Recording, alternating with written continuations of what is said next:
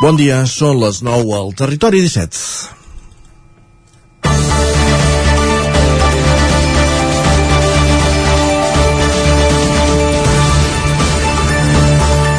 Sorpresa i indignació al Ripollès per no poder participar a la consulta vinculant que ha anunciat el govern per decidir si tira endavant la candidatura dels Jocs Olímpics d'hivern del 2030. Així els ho explicàvem ahir després que s'ha limitat la consulta a les comarques de la Vegueria, de l'Alt Pirineu i l'Aran. Dissabte a Vic, el president de la Generalitat, Pere Aragonès, va dir que la majoria de competicions es faran dins d'aquesta vegueria i per això la consulta es limita aquí. Pels més escèptics, com la plataforma Stop Jocs Olímpics, l'exclusió de la consulta de comarques com el Ripollès o el Berguedà només obeeix a frenar l'oposició al projecte perquè seria on hi ha més contestació, perquè són les comarques d'accés al Pirineu i, per tant, per on passaran les infraestructures. En tot el rum-rum també hem sentit qui qualificava el Ripollès de pre-Pirineu, la qual cosa només evidencia un desconeixement absolut del territori. També podem aplicar aquella màxima que diu que el nom fa la cosa i, per tant, tot allò que no forma part de la vegueria del Pirineu no ho és. És un raonament molt simple, però malauradament no ens sorprèn d'aquesta nostra classe política. A tot plegat, ahir s'intuïa una nova batalla sobre qui ha de liderar la candidatura, ja que l'Aragó i el Comitè Olímpic Espanyol demanen una candidatura de consens 50-50 entre Catalunya i l'Aragó, mentre que la Generalitat la vol liderar. I entre tanta polseguera, si la candidatura arriba a bon port, faltarà veure si és l'escollida. El que cada vegada té menys adeptes és aquell argument que aquesta candidatura i el joc serien la palanca de canvi per resoldre infraestructures com l'R3. Molt ens temem que el 2030, si tenim el tren desdoblat fins a Vic, ja serà un èxit, i no precisament dels Jocs d'hivern. Dimecres, 26 de gener de 2022, comença el Territori 17 a la sintonia de la veu de Sant Joan, una codinenca, Ràdio Cardedeu, Ràdio Vic, el 9 FM i el 9 TV. Territori 17, amb Isaac Moreno i Jordi Sunyer.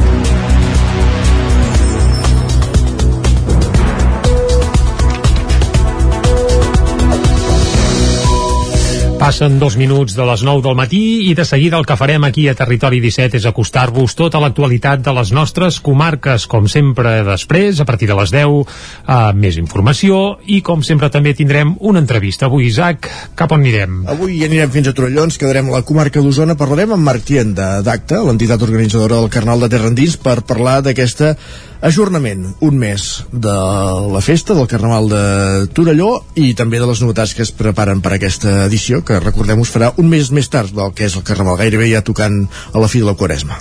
Doncs gairebé es podrà anar amb banyador, potser, amb, el temps, amb els temps que corren al Carnaval. març. Sí, però ja se sap que amb el canvi climàtic... Març marçot, mata la vella i la jove si pot. Va, uh, seguim després de l'entrevista anant cap al Carnaval de Torelló, dos quarts d'onze en punt serà el moment de les piulades amb Guillem Sánchez, taula de redacció i avui és dimecres, per tant també tindrem ració de lletra ferits de literatura. parlarem de llibres amb l'Òscar Muñoz des de Ràdio Televisió Cardedeu. A les 11 més informació i quan acabem serà el moment del territori sostenible amb en Jordi Givert. Des d'una codinenca avui coneixerem el projecte del Moianès Solidari. I per acabar, a la darrera mitja hora pujarem a la R3, a la Trenc d'Alba i els dimecres, com sempre, fem un repàs a l'agenda cultural per aquest proper cap de setmana. Doncs aquest és el menú, moment de començar. I comencem, com sempre, fent un repàs a l'actualitat de casa nostra, l'actualitat de les comarques del Ripollès, Osona, el Moianès i el Vallès Oriental. El govern aixecarà a partir de divendres les restriccions vigents per Covid-19 en trobades, aforaments i horaris. L'oci nocturn, en canvi, es mantindrà tancat. Demà dijous serà l'últim dia d'aplicació i a partir de divendres ja no hi haurà la limitació de les trobades socials a 10 persones. També s'acabaran les limitacions d'aforament i horaris a la restauració on ara el límit era en interiors del 50% i també desapareixeran els topalls d'aforament a la cultura, als gimnasos, als parcs d'atraccions, als actes religiosos o les cerimònies civils, entre d'altres. Patricia Plaja és la portaveu del govern. ni són necessàries ni ara ja estan justificades. Han servit, han servit molt, que ningú en dubti d'això, però la, la pandèmia evoluciona i ens hem, ens hem d'adaptar. La previsió és que no avui encara, però que sí en les properes setmanes, si no els propers dies, puguem anunciar ja aquesta reobertura de l'oci nocturn. El passaport Covid de moment es manté i l'oci nocturn és l'únic àmbit que continuarà tancat. El govern aposta per un nou relaxament, tot i l'alt nivell de contagis que encara està provocant la variant Omicron, perquè els ingressos a les UCI i les visites a l'atenció primària, segons el govern, estan estabilitzats.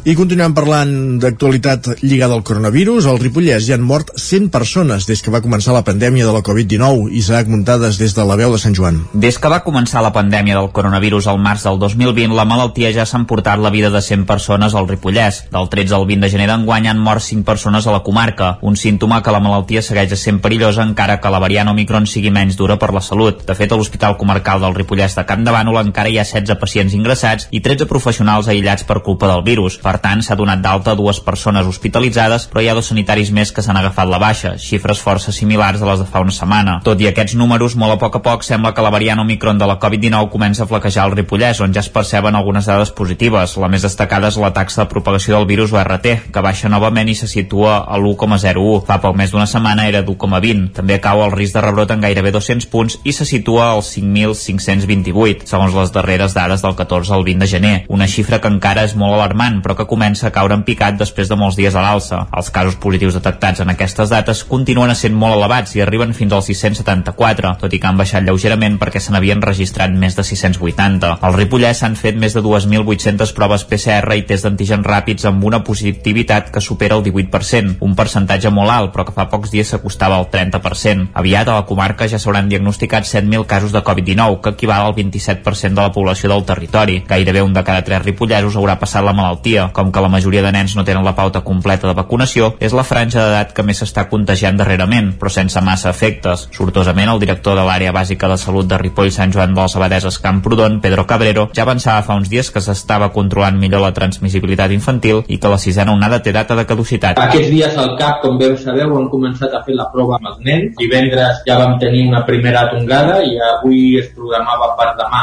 una altra tongada dels nens petits. Sabeu que els nens grans s'ho poden fer a les farmàcies que estan col·laborant i dins de tot això la bona notícia és que tot i que està molt estès eh, el nivell de gravetat no és elevat. No deixa de ser una situació de risc per la gent que sigui amb molta patologia perquè és com la grip, també els hi podria donar però suposo que en els propers dies arribarem al màxim i a final de mes, les previsions del model funciona, aquesta onada la podríem deixar per, per acabada. La vacunació continua funcionant al Ripollès i ja hi ha més d'un 80% de la població, més de 20.500 persones que té almenys una dosi de la vacuna. Gairebé n'hi ha 19.900 que tenen la pauta completa i ja hi ha més de 10.600 ripollesos que han rebut la tercera dosi, un 41% dels habitants de la comarca. Les sancions imposades pels radars fixos de la C-17 entre Centelles, Ceba i Sant Martí de Centelles han crescut exponencialment des del passat mes d'octubre, quan el Departament de Territori va decidir rebaixar la velocitat màxima permesa dels 100 km per hora als 80. Només com a exemple, el radar situat al Pinós, en direcció Vic, la quantitat de multes interposades s'ha multiplicat per 30 en comparació amb els primers mesos de l'any. Des del mes d'octubre, quan el límit de velocitat es va situar als 80 km per hora i no als 100, que hi havia fins llavors, els dos radars fixos que hi han actiu a la C-17, a Centelles i a Ceba, s'han fet un fart de multar. Segons dades del Servei Català de Trànsit, el radar que hi ha abans d'arribar a Aigua Freda i Sant Martí de Centelles, en sentit sud, va posar de mitjana 180 sancions mensuals entre gener i octubre de 2021. Des de llavors, en són gairebé 2.800. El mateix passa amb l'aparell del Pinós, en sentit Vic, que ha multiplicat per 30 augmenta el nombre de multes mensuals d'una setantena s'ha passat a 2.180. Les sancions interposades són majoritàriament de 100 euros per, circul per circular entre 81 i 110 km per hora en el cas de vies limitades a 80 km per hora. Tot i que de moment la Generalitat no ha confirmat oficialment el motiu de la reducció del límit de velocitat, s'apunta que es va rebaixar per les obres que són recurrents en aquest tram de la C-17 al Congost, entre Osona i el Vallès Oriental, amb problemes com els bonys que van reapareixent entre Centelles i Ceba que no s'acaben de resoldre malgrat les intervencions. També pels treballs que s'estan duent a terme a l'accés de Sant Martí de Centelles. En aquest tram del Congost encara hi ha un tercer radar fix en sentit Barcelona, també a l'altura del Pinós. Trànsit el va activar el març de 2021, però un acte de vandalisme el va deixar sense porta i amb la cabina cremada dos mesos després de la seva entrada en funcionament. Ajornat el judici de l'ocupació de l'Ateneu Popular del Moianès per errors processals que vulneraven el dret de defensa dels col·lectius que gestionen l'edifici. Jordi Givert, des d'Ona Codinenca. Aquest dimarts al matí estava prevista la vista per iniciar el judici sobre l'ocupació de l'Ateneu La Polseguera de Moià. El jutge que instrueix el cas va decidir ajornar-lo per defectes de forma en el procés judicial que no garantien el dret de defensa de les parts afectades, en aquest cas les entitats que gestionen i fan ús d'aquest espai. Armand és un membre de la xarxa de suport mutu del Moianès i de l'Ateneu, que es va personar a la vista d'ahir. Ens trobem en una situació d'indefensió perquè s'ha personat uh, una altra persona uh, de l'Ateneu, en aquest cas de la xarxa popular d'aliments, demanant que bueno, personant-se com a ocupant també de l'edifici, en el sentit que la xarxa popular d'aliments i més col·lectius del moviment popular del Moianès doncs depèn directament d'aquesta infraestructura popular que és l'Ateneu Popular del Moianès eh, nosaltres com a part demandada hem, hem comentat aquests aspectes, el jutge els ha acceptat i per tant avui el judici queda suspès. Els diferents col·lectius de la polseguera volen establir un diàleg i arribar a un acord amb la propietat per tal de garantir la supervivència de l'Ateneu Popular. Per això han demanat la implicació de l'Ajuntament de Mollà perquè faci de mediador entre les dues parts. Martina és membre de l'Ateneu.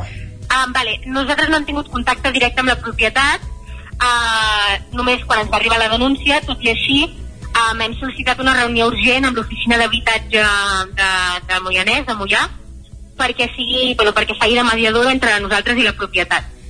Llavors aquesta reunió està sol·licitada, de moment no hi ha resposta, però aquesta és bueno, com la via que tenim per, per parlar amb la propietat. L'edifici de l'Ateneu va ser ocupat l'abril de l'any passat. En aquell moment es trobava abandonat i a mig construir, ja que havia quedat a mig fer quan va explotar la bombolla immobiliària del 2008. La propietat de l'edifici és la immobiliària Aliceda, que gestiona els actius immobiliaris del Banc de Santander i el fons voltor americà Blackstone. Més qüestions, a més de Sant Antoni, el protagonisme aquests últims dies també l'han tingut Sant Sebastià i Sant Vicenç en festes i fires en diferents pobles d'Osona. És el cas de Sant Pere de Torelló, on diumenge s'hi va fer la Fira de Sant Sebastià, que l'any passat s'havia suspès. La benedicció dels animals, amb el passant previ, va ser un dels moments àlgids del matí, que va començar amb un fred intens, però va acabar amb una temperatura més agradable i una bona assistència de públic a totes les activitats. Des de l'Ajuntament calculen que per la Fira hi van, hi van passar unes 2.000 persones i en fan un balanç més que positiu. Jordi Fabra Fàbrega és l'alcalde de Sant Pere de Torelló. Hi ha hagut menys periodistes, sobretot perquè la por de la pandèmia que hi havia en altres fires i amb aquesta situació de fred ha fet que alguns es desanimessin a venir, però la veritat ha estat molt concorregut. Tots els actes que teníem previstos, la sopa torrada es va consolidant, és el lloc que regalem la sopa torrada a tota la gent que ve. Hem fet més de gairebé 100 litros de sopa torrada i els hem pogut donar a tothom aquest tast. També doncs, eh, hem fet 10 lots de productes de pagès que hem pogut sortejar amb les tires amb tots els assistents de la fira. S'ha pogut fer amb normalitat, s'ha pogut fer tota la representació dels pagesos, no?, amb productes amb tractor de pagès, fent les farinetes clàssiques la part gastronòmica va esgotar existències tant a l'esmorzar de pagès com el tast de peus de porc, pilotilles i capipota i el de sopa torrada. També es van vendre més de 2.000 calçots. A la zona del Mas també s'hi van concentrar activitats de pagès amb una mostra d'animals i animació musical. La fira es va tancar amb el sorteig de 10 lots entre els assistents. La situació de pandèmia es va notar sobretot en el número de parades, inferior al d'altres edicions. L'Ajuntament de Cardedeu i la Biblioteca Marc de Villalba convoquen per segon any consecutiu el certamen Microjocs Florals Santa Jordina 2022. Hi haurà tres categories, microrelat, microrelat i tira còmica. Núria Lázaro, de Ràdio Televisió de Cardedeu. L'objectiu és estimular l'escriptura com a eina d'expressió i promoure la interrelació amb la il·lustració i amb les arts escèniques com a part d'un tot artístic. En aquest sentit, el proper 22 d'abril s'estrenaran al Teatre Auditori de Cardedeu els textos de microteatre premiats de la passada edició dels Microjocs Florals Santa Jordina. La convocatòria per a la present edició ja és oberta i poden participar les persones de més de 14 anys. El lliurament s'haurà de fer accedint a la pestanya Catalunya accediu al formulari de la web de la Biblioteca de Cardedeu www.bibliotecacardedeu.cat. El termini per presentar les obres finalitza el diumenge 13 de març.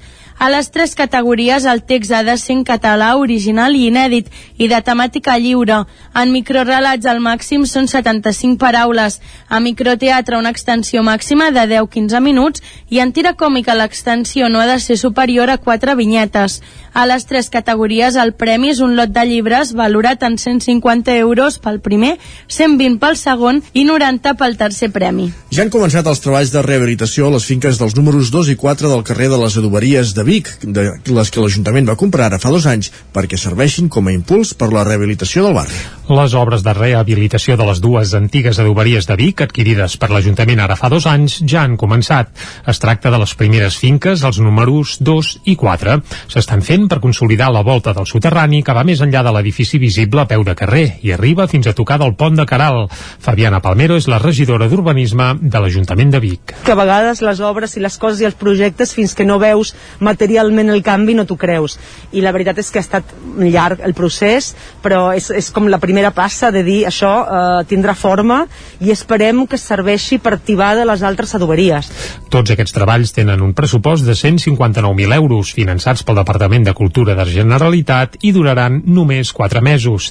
Tot seguit començarà l'obra total de rehabilitació amb un pressupost de 2,2 milions. Fabiana Palmero. Estem esperant la resolució del Ministeri per poder començar les obres de rehabilitació integral del que són els dos edificis en el seu conjunt. No? Això són les obres molt més grans, eh, és aquest projecte que, hem, bueno, que vam aprovar eh, últimament, que és el projecte executiu de rehabilitació dels dos edificis, i que eh, esperem aviat rebre la comunicació i tenim un any i mig des de la notificació del Ministeri per acabar les obres. Per tant, mentrestant ja estem redactant plecs perquè quan tinguem la notificació podem guanyar temps i començar eh, el procés de licitació.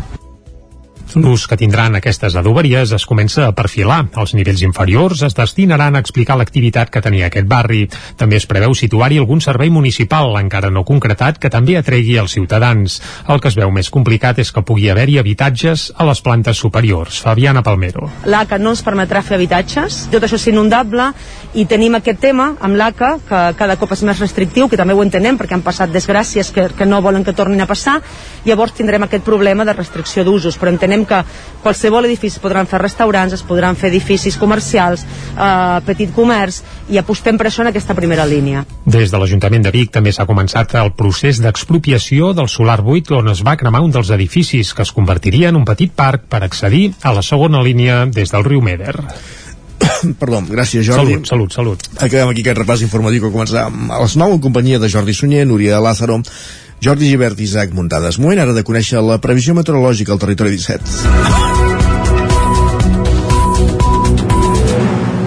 Motiu pel qual saludem un dia més en Pep Acosta. Casa Terradellos us ofereix el temps. En Pep, que és com de la família, i el saludem ara mateix. Bon dia de nou, Pep. Hola, bon Ei, dia. I bona hora. Què tal esteu? Bé, Primer de tot, a tota la gent que fa possible aquest programa, gràcies. moltes gràcies. A vos, a vos, per home. fer un dia més. Quin plom de Aquí estem, a l'espai del temps.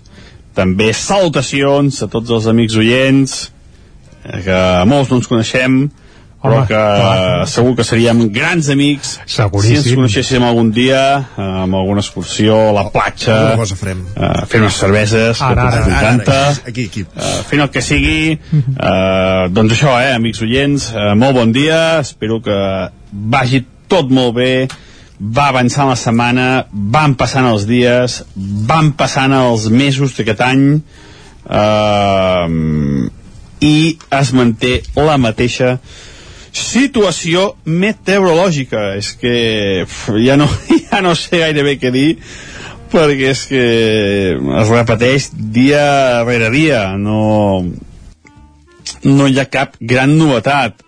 Uh, l'única novetat és que jo crec que uh, els dies cada dia són una mica més suaus les temperatures pugen poc uh, no, no, ho, no ho tenc gaire però sí que van pujar una mica les temperatures i és que clar, és normal, eh? el dia ja es va allargant fins als 6 i pico encara és clar uh, i més que, clar, es anirà allargant cada dia més, vull dir, això és una, una obvietat i cada dia la temperatura pues, uh, anirà pujant jo crec una, una mica més uh, la sensació de fred eh, no és tan intensa ja, eh? no, o sigui, fa fred però no tenim la sensació de fred tantes, tantes hores com fa com la setmana passada o fa dues setmanes eh? això és poder l'únic punt eh, que canvia una mica. Eh, les temperatures mínimes eh, han baixat, eh, són fredes però hi ha una disbauxa de temperatures molt important. Eh, també es va notant aquesta monotonia amb les temperatures. Aquest aire fred que es va quedant a les cotes més baixes temperatures molt baixes cap a Osona, cap a Moianès, 5, 6, 7 sota 0 una mínima, a les cotes més altes, uh, avui menys fred, uh, un sud de zero mínima cap a Núria, dos sud de zero cap a Baiter, aquest contrast tèrmic, eh, aquesta, aquesta uh, baixada de temperatures a zones més fredes, aquesta inversió tèrmica, per com sortir la paraula, uh, en definitiva, anticicló, anticicló i anticicló. Uh, durant el dia, molt de sol, les temperatures uh, entre els 15 i els 16 de la majoria màximes, ambient força agradable quan anem a migdia, s'està força bé migdia i és la tònica que continuarà tota la setmana. Jo, la setmana que ve, començo a veure algun principi de canvi, amb si és veritat, si ens porta alguna pluja o algun moviment meteorològic, eh? Jo tinc esperances. I això és tot. A disfrutar el dia d'avui, a disfrutar d'aquest anticicló i a disfrutar aquest dimecres 26 de gener. Moltes gràcies. Adeu. Si en Pep té esperances, nosaltres també però de cara a la setmana que ve, eh? Queden dies. Sí, sí, Molt bé. Mentrestant, el que farem és anar cap al quiosc. Casa Tarradellas us ha ofert aquest espai. Doncs vinga, moment de conèixer què diuen avui els diaris.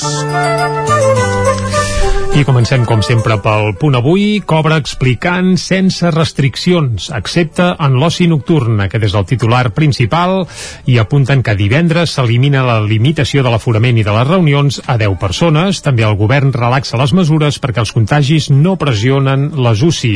El certificat Covid també tenir, podria tenir les hores comptades. De moment, però, el certificat Covid sí que continuarà sent necessari per, per accedir a restaurants, però bars... com bé dius, em sembla que té les hores comptades. Eh? Sí, bé, això ho diu el punt avui, nosaltres també ho hem dit a primera hora Territori 17, però vaja, de moment, avui, demà i en teoria uns quants dies més, doncs encara, encara és necessari. Què més? El Parlament mira de suprimir la llicència per edat, un altre titular que apareix a la portada del punt avui, i Alemanya i França proven de temperar el desafiament de Rússia. A més a més, també presó per dos manifestants de l'1 d'octubre a Madrid. Això a la portada del punt avui. Més portades catalanes, anem cap a l'ara. Crisi al Parlament per les traves a la transparència. L'exlletrat major Bayona acusa la secretària general de dificultar la investigació periodística. I Borràs accelera, Borràs, la presidenta del Parlament, accelera la reforma i suprimeix directament l'article de les llicències per edat. Per tant, abans de parlar-ne amb els treballadors, ahir mateix ja van suprimir aquestes llicències per edat. Uh, la fotografia... Abans de parlar amb els treballadors, bé, hauran de negociar-ho. Sí, sí, sí, un dia ho hauran de fer i aviam, aviam què, perquè clar, a renunciar a aquests privilegis suposo que serà complicat i més si en teoria legalment bé, legal ho és, moral evidentment que no i ètic tampoc, però vaja. uh, més coses, a la portada de l'Ara la fotografia principal és per un grup d'infermeres que hi es van manifestar i diu les infermeres al límit i denuncien la precarietat a què estan sotmeses i també l'accés de feina que han hagut de, de patir durant aquests darrers dos anys. També el Comitè Olímpic Espanyol i l'Aragó exigeixen a Catalunya igualtat en els Jocs d'hivern. Això a la portada de, de l'Ara i també, atenció, el patrocini del Barça entre Spotify i Vegan Nation. És a dir, sembla que l'any que ve la samarreta del Barça podria dur a Spotify, recordem que ara el Territori 17 també ja hi és, a l'Spotify, per tant potser va lligat, eh, tot Exacte, plegat. sí, sí. O Vegan Nation. No, no, ja veurem, aviam qui s'acaba enduent la samarreta del Barça, però sembla que seria per molts cèntims, a més a més. Per tant, com que les arques estan buides, suposo que ja és a fi de bé. Anem cap al periòdico, va. El final de les restriccions deixa fora l'oci nocturn. Els nous límits entraran en vigor divendres. Aquest és el titular principal del periòdico, que també apunta que les discoteques seguiran tancades almenys una setmana més i el passaport Covid encara serà necessari. La fotografia principal per un grup d'infermeres, igual com passava a l'ara, eh, que es van mobilitzar eh, això, reclamant doncs, més Millores. tranquil·litat i, evidentment, millores. També, Alvarez afirma que Espanya actuarà amb fermesa en la crisi ucraïnesa, una crisi que de moment no dona treva i que també apareix a la portada del periòdico. Anem ara cap a la portada de La Vanguardia, que titula França i Alemanya busquen una desescalada dialogant amb Putin. El president francès s'entrevistarà per telèfon amb el seu homòleg rus aquest divendres per provar de rebaixar l'atenció. Això apareix a la portada del diari La Vanguardia. També Catalunya liquida les restriccions tret del passi Covid i les discos. I a més a més, en un raconet, Colau rebutja un plebiscit electoral sobre ella el 2023. Uh -huh. uh, això a la portada abans, de La Vanguardia. Abans en les portades de Madrid, deixem fer un res, un incís d'actualitat, perquè uh -huh. els bombers han intervingut aquest matí en un habitatge de Vic entre, eh, era, eh, poc abans de les 7 del matí s'ha incendiat una xemeneia en una casa de dues plantes al passeig de Sant Marc, estem parlant del barri de Santana, dues dotacions activades, cap persona ferida i l'incendi evidentment ja està extingit, ha, ha, ha estat com dèiem poc abans de les 7 del matí. Doncs després d'aquesta última hora... I contents que la cosa hagi acabat en no res. Uh, això és bo. I més, sí. més allà altres vals, evidentment. Evidentment.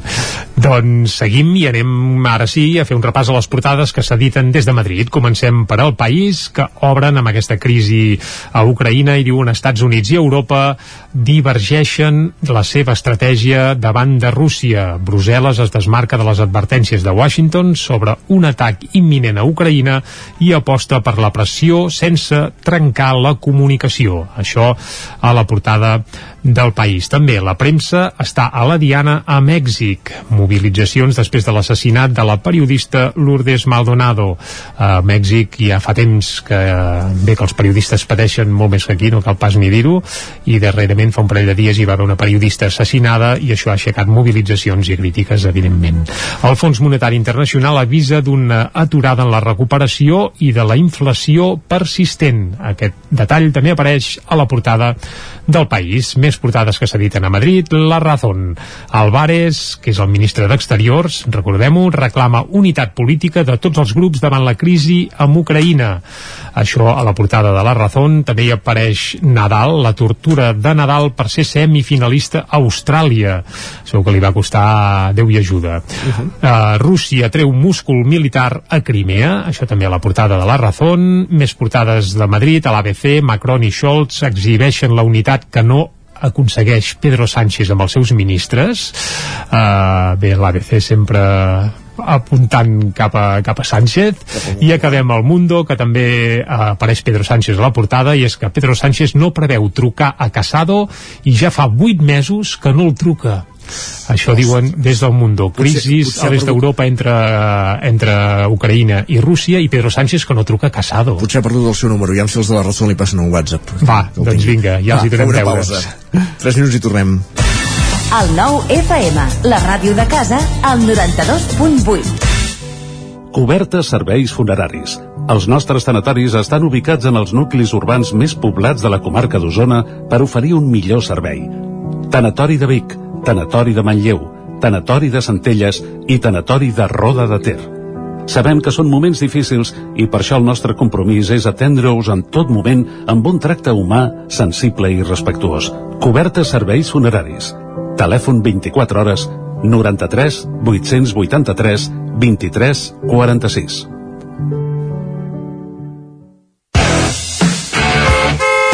A Autoscola Montseny. Ara és el moment de fer els cursos de teòrica intensius, ràpid i eficaç.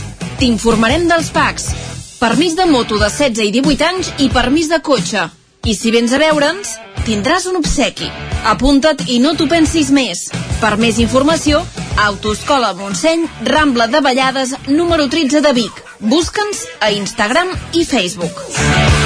Això és el que s'escolta al voltant d'una caldera saunia d'Oval tranquil·litat i benestar, perquè gaudeix del millor manteniment del servei tècnic oficial per estar despreocupat. O el que vulgui. Informis a Oficiat Nord trucant al 938860040. Saunia Duval, sempre al seu costat.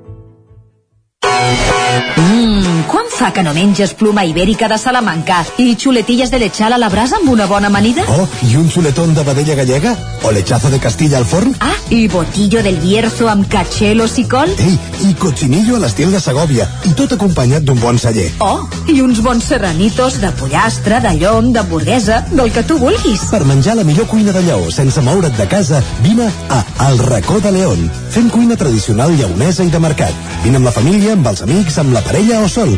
T'encantarà.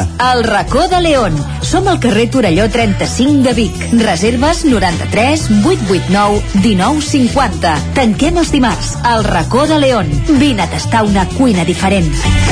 Cocodril Club. Si t'agrada la bona música dels anys 60, 70 i 80, escolta el 9 FM els matins de dissabtes i diumenges d'11 a 1. És el temps del Cocodril Club, tot un clàssic de la ràdio, amb les bases del pop-rock, les llegendes, les cançons que s'han convertit en autèntics himnes. Recorda, dissabtes i diumenges al matí, d'11 a 1, al 9 FM 92.8. Cocodril Club. El programa revival de l'Albert Malla. Hasta Anuncia't al 9FM. La màquina de casa. 9 3 8 8 9 4 9 4 9 Publicitat arroba al 9FM.cat. Anuncia't al 9FM. La publicitat més eficaç.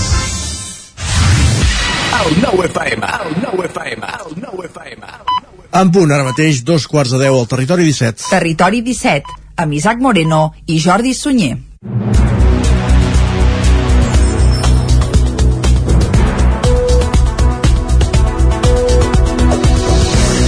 I a dos quarts de deu en punt d'avui dimecres, dia 26 de gener de 2022, el que farem de seguida és acostar-vos de nou tota l'actualitat de casa nostra. Però ja us avancem una mica tot el que tindrem fins al punt de les 12 del migdia. Una mica abans de les 10 hi posarem música. Avui estrenarem un single d'un disc... ahir vaig veure la reacció d'un filòleg quan va rebre la nota de premsa amb el títol de la cançó que escoltarem avui. Sí, eh, el que passa que a vegades és allò que dius, si No, has de calçar segons què, amb segons quina música, això quan fas primer la música i després hi calces la lletra, passen coses com ja podem dir el títol, no? Va. Va, es diu Deixa el teu cos ballar. L'ordre del, l'ordre del, factor, del factor és molt el producte, clar, però és estaria, lleig, estaria és bé primer el verb i després el complement, deixa ballar el teu cos, però, però a vegades passen coses. La cançó es titula Deixa el teu cos ballar i abans de les 10 descobrirem de qui és. Molt bé. Va, aquesta cançó, a les 10 més informació i després a l'entrevista parlarem de carnavals, oi? Exacte, parlarem amb Marc Tienda d'Acta, l'entitat que organitza el Carnaval de Terra endins de Torelló, sobre aquest ajornament d'un mes de la festa de la disbauxa per excel·lència de la comarca d'Osona, que es farà, es farà a finals del mes de març. A dos quarts d'onze arribarà el moment de les piulades amb en Guillem Sánchez, repassarem les portades del 99.cat, taula de redacció i després som dimecres, per tant toca parlar de literatura. I ho farem des de Ràdio Televisió Cardedeu amb l'Òscar Muñoz, amb una nova, amb una altra obra literària. Després, a les 11, actualitzarem butlletí informatiu i tot seguit ens visitarà en Jordi Givert. Des d'Ona Codinenca per parlar de Moianès Solidari. Això serà el territori sostenible. A dos quarts de 12 arribarà la R3 a la Trenc d'Alba i, com sempre, els dimecres acabarem fent un repàs a l'agenda cultural per aquest proper cap de setmana. Ja ho sabeu, fent una roda per les diferents emissores que cada dia fem possible al territori 17. I recordem aquest cap de setmana teatres i auditoris podran tornar al 100% de l'aforament. Per tant, passarà, segur que... passarà allò de tornar a vendre entrades i tornar a buscar localitats enmig d'altres. Sí, a vegades que- és que- complicat, que però, però vaja, en el fons se suposa que tot plegat és a fi de bé, per tant, això ho repassarem a la part final d'un programa que ara segueix, acostant-vos, com sempre, a l'actualitat de casa nostra, l'actualitat de les comarques del Ripollès, Osona, el Moianès i el Vallès Oriental. El govern aixecarà a partir de divendres les restriccions vigents per Covid-19 en trobades, aforaments i horaris. L'oci nocturn, en canvi, es mantindrà tancat. Demà dijous serà l'últim dia d'aplicació i a partir de divendres ja no hi haurà la limitació de les trobades socials a 10 persones. També s'acabaran les limitacions d'aforament i horaris a la restauració on ara el límit era en interiors del 50% i també desapareixeran els topalls d'aforament a la cultura, als gimnasos, als parcs d'atraccions, als actes religiosos o les cerimònies civils, entre d'altres. Patricia Plaja és la portaveu del govern. ni són necessàries ni ara ja estan justificades. Han servit, han servit molt, que ningú en dubti d'això, però la, la pandèmia evoluciona i ens hem, ens hem d'adaptar. La previsió és que no avui encara, però que sí en les properes setmanes, si no els propers dies, puguem anunciar ja aquesta reobertura de l'oci nocturn. El passaport Covid de moment es manté i l'oci nocturn és l'únic àmbit que continuarà tancat. El govern aposta per un nou relaxament tot i l'alt nivell de contagis que encara està provocant la variant Omicron perquè els ingressos a les UCI i les visites a l'atenció primària, segons el govern, estan estabilitzats. I continuem parlant d'actualitat lligada al coronavirus. Al Ripollès ja han mort 100 persones des que va començar la pandèmia de la Covid-19. Isaac Muntades des de la veu de Sant Joan. Des que va començar la pandèmia del coronavirus al març del 2020, la malaltia ja s'ha emportat la vida de 100 persones al Ripollès. Del 13 al 20 de gener d'enguany han mort 5 persones a la comarca, un símptoma que la malaltia segueix sent perillosa encara que la variant Omicron sigui menys dura per la salut. De fet, a l'Hospital Comarcal del Ripollès de Camp de Bànol encara hi ha 16 pacients ingressats i 13 professionals aïllats per culpa del virus. Per tant, s'ha donat d'alta dues persones hospitalitzades, però hi ha dos sanitaris més que s'han agafat la baixa, xifres força similars a les de fa una setmana. Tot i aquests números, molt a poc a poc sembla que la variant Omicron de la Covid-19 comença a flaquejar al Ripollès, on ja es perceben algunes dades positives. La més destacada és la taxa de propagació del virus URT, que baixa novament i se situa a l'1,01. Fa poc més d'una setmana era d'1,20. També cau el risc de rebrot en gairebé 200 punts i se situa als 5.528, segons les darreres dades del 14 al 20 de gener. Una xifra que encara és molt alarmant, però que comença a caure en picat després de molts dies a l'alça. Els casos positius detectats en aquestes dates continuen sent molt elevats i arriben fins als 674, tot i que han baixat lleugerament perquè se n'havien registrat més de 680. Al Ripollès s'han fet més de 2.800 proves PCR i test d'antigen ràpids amb una positivitat que supera el 18%, un percentatge molt alt, però que fa pocs dies s'acostava al 30%. Aviat a la comarca ja s'hauran diagnosticat 7.000 casos de Covid-19, que equival al 27% de la població del territori. Gairebé un de cada tres ripollesos haurà passat la malaltia. Com que la majoria de nens no tenen la pauta completa de vacunació, és la franja d'edat que més s'està contagiant darrerament, però sense massa efectes. Sortosament, el director de l'àrea bàsica de salut de Ripoll Sant Joan de les Abadeses Camprodon, Pedro Cabrero, ja avançava fa uns dies que s'estava controlant millor la transmissibilitat infantil i que la sisena onada té data de caducitat. Aquests dies al CAP, com bé ho sabeu, hem començat a fer la prova amb els nens. Divendres ja vam tenir una primera tongada i avui es programava per demà una altra tongada dels nens petits. Sabeu que els nens grans s'ho poden fer a les farmàcies que estan col·laborant i dins de tot això la bona notícia és que tot i que està molt estès, eh, el nivell de gravetat no és elevat. No deixa de ser una situació de risc per la gent que sigui amb molta patologia, perquè és com la grip, també els hi podria donar, però suposo que en els propers dies arribarem al màxim i a final de mes, les previsions del model funciona, aquesta onada la podríem deixar per, per acabada. La vacunació continua funcionant al Ripollès i ja hi ha més d'un 80% de la població, més de 20.500 persones que té almenys una dosi de la vacuna. Gairebé n'hi ha 19.900 que tenen la pauta completa i ja hi ha més de 10.600 ripollesos que han rebut la tercera dosi, un 41% dels habitants de la comarca. Les sancions imposades pels radars fixos de la C-17 entre Centelles, Ceba i Sant Martí de Centelles han crescut exponencialment des del passat mes d'octubre, quan el Departament de Territori va decidir rebaixar la velocitat màxima permesa dels 100 km per hora als 80. Només com a exemple, el radar situat al Pinós, en direcció Vic, la quantitat de multes interposades s'ha multiplicat per 30 en comparació amb els primers mesos de l'any. Des del mes d'octubre, quan el límit de velocitat es va situar als 80 km per hora i no als 100, que hi havia fins llavors, els dos radars fixos que hi han actiu a la C-17, a Centelles i a Ceba, s'han fet un fart de multar. Segons dades del Servei Català de Trànsit, el radar que hi ha abans d'arribar a Aigua Freda i Sant Martí de Centelles, en sentit sud, va posar de mitjana 180 sancions mensuals entre gener i octubre de 2021. Des de llavors, en són gairebé 2.800. El mateix passa amb l'aparell del Pinós, en sentit Vic, que ha multiplicat per 30 augmenta el nombre de multes mensuals d'una setantena s'ha passat a 2.180. Les sancions interposades són majoritàriament de 100 euros per, circul per circular entre 81 i 110 km per hora en el cas de vies limitades a 80 km per hora. Tot i que de moment la Generalitat no ha confirmat oficialment el motiu de la reducció del límit de velocitat, s'apunta que es va rebaixar per les obres que són recurrents en aquest tram de la C-17 al Congost, entre Osona i el Vallès Oriental, amb problemes com els bonys que van reapareixent entre entre Centelles i Ceba que no s'acaben de resoldre malgrat les intervencions. També pels treballs que s'estan duent a terme a l'accés de Sant Martí de Centelles. En aquest tram del Congost encara hi ha un tercer radar fix en sentit Barcelona, també a l'altura del Pinós. Trànsit el va activar el març de 2021, però un acte de vandalisme el va deixar sense porta i amb la cabina cremada dos mesos després de la seva entrada en funcionament. Ajornat el judici de l'ocupació de l'Ateneu Popular del Moianès per errors processals que vulneraven el dret de defensa dels col·lectius que gestionen l'edifici. Jordi Givert, des d'Ona Codinenca. Aquest dimarts al matí estava prevista la vista per iniciar el judici sobre l'ocupació de l'Ateneu La Polseguera de Moià. El jutge que instrueix el cas va decidir ajornar-lo per defectes de forma en el procés judicial que no garantien el dret de defensa de les parts afectades, en aquest cas les entitats que gestionen i fan ús d'aquest espai.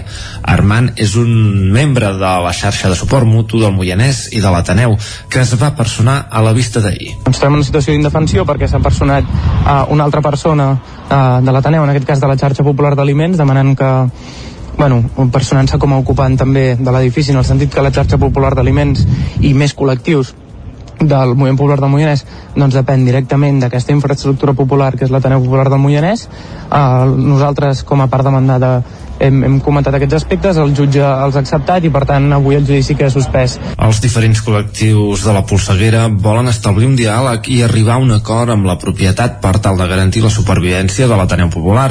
Per això han demanat la implicació de l'Ajuntament de Mollà perquè faci de mediador entre les dues parts. Martina és membre de l'Ateneu. Ah, vale. Nosaltres no hem tingut contacte directe amb la propietat, ah, només quan ens va arribar la denúncia, tot i així um, hem sol·licitat una reunió urgent amb l'oficina d'habitatge de, de Moianès, de Mollà, perquè sigui, bueno, perquè faci de mediadora entre nosaltres i la propietat. Llavors aquesta reunió està sol·licitada, de moment no hi ha resposta, però aquesta és bueno, com la via que tenim per, per Mm. parlar amb la propietat. L'edifici de l'Ateneu va ser ocupat l'abril de l'any passat. En aquell moment es trobava abandonat i a mig construir, ja que havia quedat a mig fer quan va explotar la bombolla immobiliària del 2008. La propietat de l'edifici és la immobiliària Aliceda, que gestiona els actius immobiliaris del Banc de Santander i el fons voltor americà Blackstone. Més qüestions, a més de Sant Antoni, el protagonisme aquests últims dies també l'han tingut Sant Sebastià i Sant Vicenç, en festes i fires en diferents pobles d'Osona. És el cas de Sant Pere de Torelló, on diumenge s'hi va fer la Fira de Sant Sebastià, que l'any passat s'havia suspès. La benedicció dels animals amb el passant previ va ser un dels moments àlgids del matí, que va començar amb un fred intens, però va acabar amb una temperatura més agradable i una bona assistència de públic a totes les activitats. Des de l'Ajuntament calculen que per la fira hi van, hi van passar unes 2.000 persones i en fan un balanç més que positiu. Jordi Fàbrega és l'alcalde de Sant Pere de Torelló. Hi ha hagut menys periodistes, sobretot perquè la por de la pandèmia que hi havia en altres fires i amb aquesta situació de fred ha fet que alguns es desanimessin a venir, però la veritat ha estat molt concorregut. Tots els actes que teníem previstos, la sopa torrada es va consolidant, és el lloc que regalem la sopa torrada a tota la gent que ve. Hem fet més de gairebé 100 litres de sopa torrada i els hem pogut donar a tothom aquest tast. També doncs, eh, hem fet 10 lots de productes de pagès que hem pogut sortejar amb les tires amb tots els assistents de la fira, s'ha pogut fer amb normalitat, s'ha pogut fer tota la representació dels pagesos, no?, amb productes amb tractor de pagès, fent les farinetes clàssiques, La part gastronòmica va esgotar existències tant a l'esmorzar de pagès com el tast de peus de porc, pilotilles i cap i pota i el de sopa torrada. També es van vendre més de 2.000 calçots. A la zona del Mas també s'hi van concentrar activitats de pagès amb una mostra d'animals i animació musical. La fira es va tancar amb el sorteig de 10 lots entre els assistents. La situació de pandèmia es va notar sobretot en el número de parades inferior al d'altres edicions. L'Ajuntament de Cardedeu i la Biblioteca Marc de Villalba convoquen per segon any consecutiu el certamen Microjocs Florals Santa Jordina 2022. Hi haurà tres categories, microrelat, microrelat i tira còmica. Núria Lázaro, de Ràdio Televisió de Cardedeu. L'objectiu és estimular l'escriptura com a eina d'expressió i promoure la interrelació amb la il·lustració i amb les arts escèniques com a part d'un tot artístic. En aquest sentit, el proper 22 d'abril s'estrenaran al Teatre Auditori de Cardedeu els textos de microteatre premiats de la passada edició dels Microjocs Florals Santa Jordina. La convocatòria per a la present edició ja és oberta i poden participar les persones de més de 14 anys. El lliurament s'haurà de fer accedint a la pestanya accediu al formulari de la web de la Biblioteca de Cardedeu www.bibliotecacardedeu.cat. El termini per presentar les obres finalitza el diumenge 13 de març. A les tres categories el text ha de ser en català, original i inèdit i de temàtica lliure. En microrelats el màxim són 75 paraules. A microteatre una extensió màxima de 10-15 minuts i en tira còmica l'extensió no ha de ser superior a 4 vinyetes. A les tres categories el premi és un lot de llibres valorat en 150 euros pel primer, 120 pel segon i 90 pel tercer premi. Ja han començat els treballs de rehabilitació a les finques dels números 2 i 4 del carrer de les Adoberies de Vic, de les que l'Ajuntament va comprar ara fa dos anys perquè serveixin com a impuls per la rehabilitació del barri. Les obres de rehabilitació de les dues antigues adoberies de Vic, adquirides per l'Ajuntament ara fa dos anys, ja han començat. Es tracta de les primeres finques, els números 2 i 4. S'estan fent per consolidar la volta del soterrani que va més enllà de l'edifici visible a peu de carrer i arriba fins a tocar del pont de Caral. Fabiana Palmero és la regidora d'Urbanisme de l'Ajuntament de Vic. Que a vegades les obres i les coses i els projectes, fins que no veus materialment el canvi, no t'ho creus. I la veritat és que ha estat llarg el procés, però és, és com la primera passa de dir això eh, tindrà forma i esperem que serveixi per activar de les altres adoberies. Tots aquests treballs tenen un pressupost de 159.000 euros finançats pel Departament de Cultura de Generalitat i duraran només 4 mesos. Tot seguit començarà l'obra total de rehabilitació amb un pressupost de 2,2 milions. Fabiana Palmero. Estem esperant la resolució del Ministeri per poder començar les obres de rehabilitació integral del que són els dos edificis en el seu conjunt. No? Això són unes obres molt més grans, eh, és aquest projecte que, hem, bueno, que vam aprovar eh, últimament, que és el projecte executiu de rehabilitació dels dos edificis, i que eh, esperem aviat rebre la comunicació i tenim un any i mig des de la notificació del Ministeri per acabar les obres. Per tant, mentrestant ja estem redactant plecs perquè quan tinguem la notificació podem guanyar temps i començar eh, el procés de licitació. L'ús que tindran aquestes adoberies es comença a perfilar. Els nivells inferiors es destinaran a explicar l'activitat que tenia aquest barri. També es preveu situar-hi algun servei municipal, encara no concretat, que també atregui els ciutadans. El que es veu més complicat és que pugui haver-hi habitatges a les plantes superiors. Fabiana Palmero. L'ACA no ens permetrà fer habitatges, tot això és inundable i tenim aquest tema amb l'ACA que cada cop és més restrictiu, que també ho entenem perquè han passat desgràcies que, que no volen que tornin a passar, llavors tindrem aquest problema de restricció d'usos, però entenem que qualsevol edifici podran fer restaurants, es podran fer edificis comercials, eh, petit comerç, i apostem per això en aquesta primera línia. Des de l'Ajuntament de Vic també s'ha començat el procés d'expropiació del solar buit on es va cremar un dels edificis que es convertiria en un petit parc per accedir a la segona línia des del riu Meder. Perdó, gràcies Jordi. Salut, salut, salut. Acabem aquí aquest repàs informatiu que començarà a les 9 en companyia de Jordi Sunyer, Núria de Lázaro, Jordi Givert i Isaac Muntades. Moment ara de conèixer la previsió meteorològica al territori 17.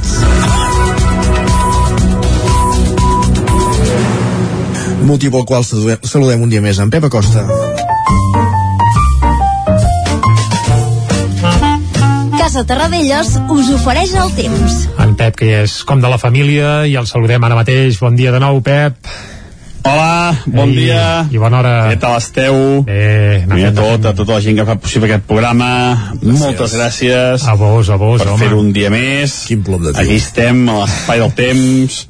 També salutacions a tots els amics oients, eh, que molts no ens coneixem, però Home, que clar. segur que seríem grans amics Seguríssim. si ens coneixéssim algun dia eh, amb alguna excursió a la platja Alguna cosa farem. eh, fent unes cerveses Ara, ara, ens encanta Aquí, aquí. eh, fent el que sigui eh, doncs això, eh, amics oients eh, molt bon dia, espero que vagi tot molt bé va avançant la setmana van passant els dies van passant els mesos d'aquest any eh, i es manté la mateixa situació meteorològica. És que uf, ja, no, ja no sé gaire bé què dir perquè és que es repeteix dia rere dia. No, no hi ha cap gran novetat.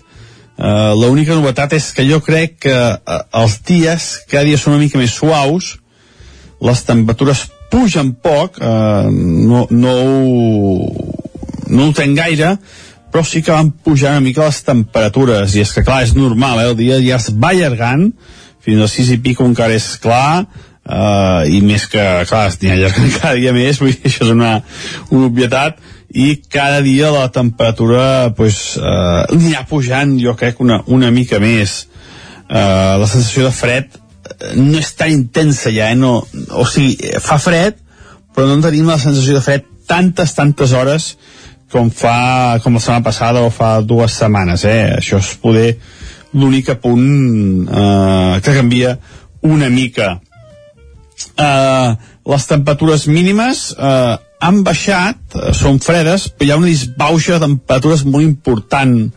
Eh, també es va notant aquesta monotonia amb les temperatures, aquest aire fred que es va quedant a les cotes més baixes, temperatures molt baixes cap a Osona, cap a Moianès, 5, 6, 7 sota 0 una mínima, eh, a les cotes més altes, eh, avui menys fred, eh, un sota 0 una mínima cap a Núria, 2 sota 0 cap a Baiter, aquest contrast tèrmic, eh, aquesta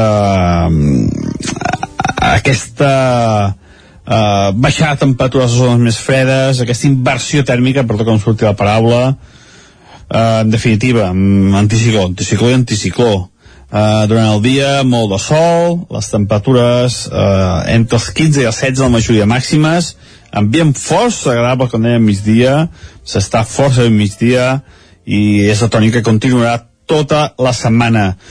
Jo, la setmana que ve començo a veure algun principi de canvi, amb si és veritat, si ens posa alguna pluja o algun moviment meteorològic, eh? Jo tinc esperances.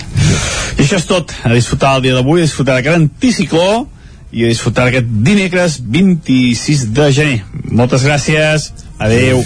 Si en Pep té esperances, nosaltres també però de cara a la setmana que ve, eh? Queden dies. Sí, sí, Molt bé. Mentrestant, el que farem és anar cap al quiosc. Casa Tarradellas us ha ofert aquest espai. Doncs vinga, moment de conèixer què diuen avui els diaris. I comencem, com sempre, pel punt avui. Cobra explicant sense restriccions, excepte en l'oci nocturn. Aquest és el titular principal i apunten que divendres s'elimina la limitació de l'aforament i de les reunions a 10 persones. També el govern relaxa les mesures perquè els contagis no pressionen les UCI.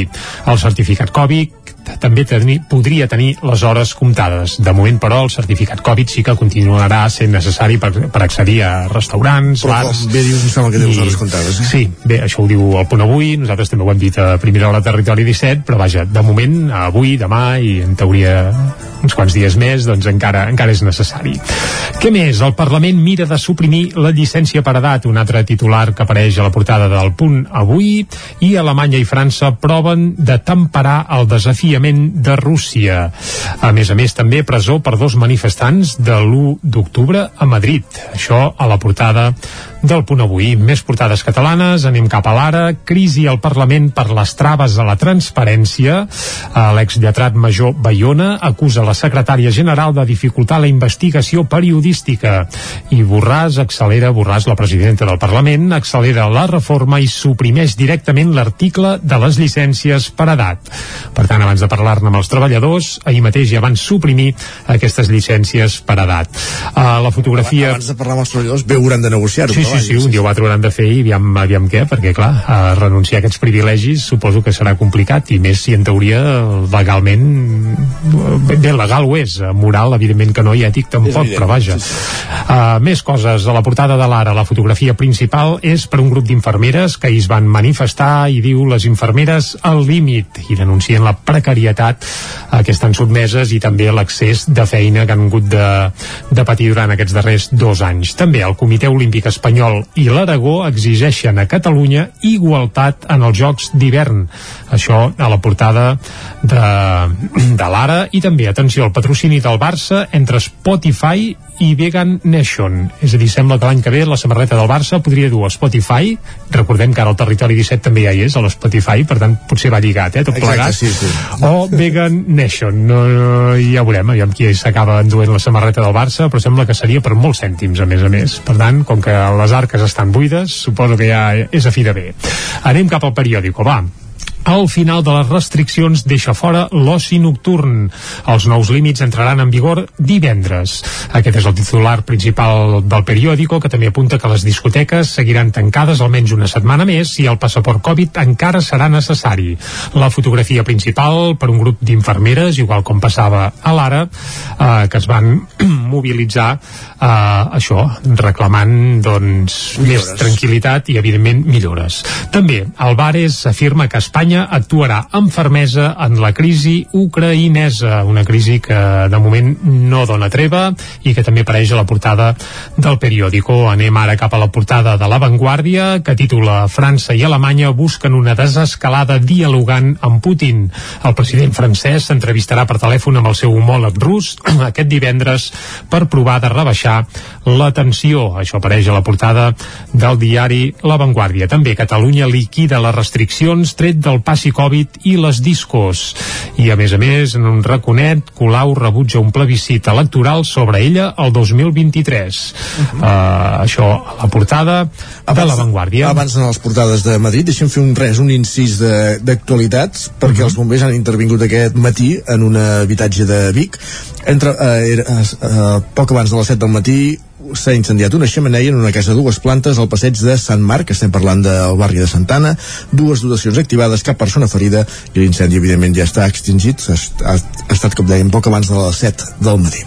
Doncs després d'aquesta uh, última hora... I contents que la cosa hagi acabat en no res. Uh, això és bo. I més, sí. més allà altres vals, evidentment. Evidentment. Doncs seguim i anem ara sí a fer un repàs a les portades que s'editen des de Madrid. Comencem per al país que obren amb aquesta crisi a Ucraïna i diuen Estats Units i Europa divergeixen la seva estratègia davant de Rússia. Brussel·les es desmarca de les advertències de Washington sobre un atac imminent a Ucraïna i aposta per la pressió sense trencar la comunicació. Això a la portada del país. També la premsa està a la diana a Mèxic. Mobilitzacions després de l'assassinat de la periodista Lourdes Maldonado. A Mèxic ja fa temps que bé que els periodistes pateixen molt més que aquí, no cal pas ni dir-ho, i darrerament fa un parell de dies hi va haver una periodista assassinada i això ha aixecat mobilitzacions i crítiques, evidentment. El Fons Monetari Internacional avisa d'una aturada en la recuperació i de la inflació persistent. Aquest detall també apareix a la portada del país. Més portades que s'editen a Madrid, La Razón. Álvarez, que és el ministre d'Exteriors, recordem-ho, reclama unitat política de tots els grups davant la crisi amb Ucraïna. Això a la portada de La Razón també hi apareix Nadal, la tortura de Nadal per ser semifinalista a Austràlia. Segur que li va costar Déu i ajuda. Uh -huh. uh, Rússia treu múscul militar a Crimea, això també a la portada de La Razón. Més portades de Madrid, a l'ABC, Macron i Scholz exhibeixen la unitat que no aconsegueix Pedro Sánchez amb els seus ministres uh, bé, l'ABC sempre apuntant cap a, cap a Sánchez. I acabem al Mundo que també uh, apareix Pedro Sánchez a la portada i és que Pedro Sánchez no preveu trucar a Casado i ja fa 8 mesos que no el truca això diuen des del Mundo. Crisis a l'est d'Europa entre, entre Ucraïna i Rússia i Pedro Sánchez que no truca Casado. Potser ha perdut el seu número, ja els de la raó li passen un WhatsApp.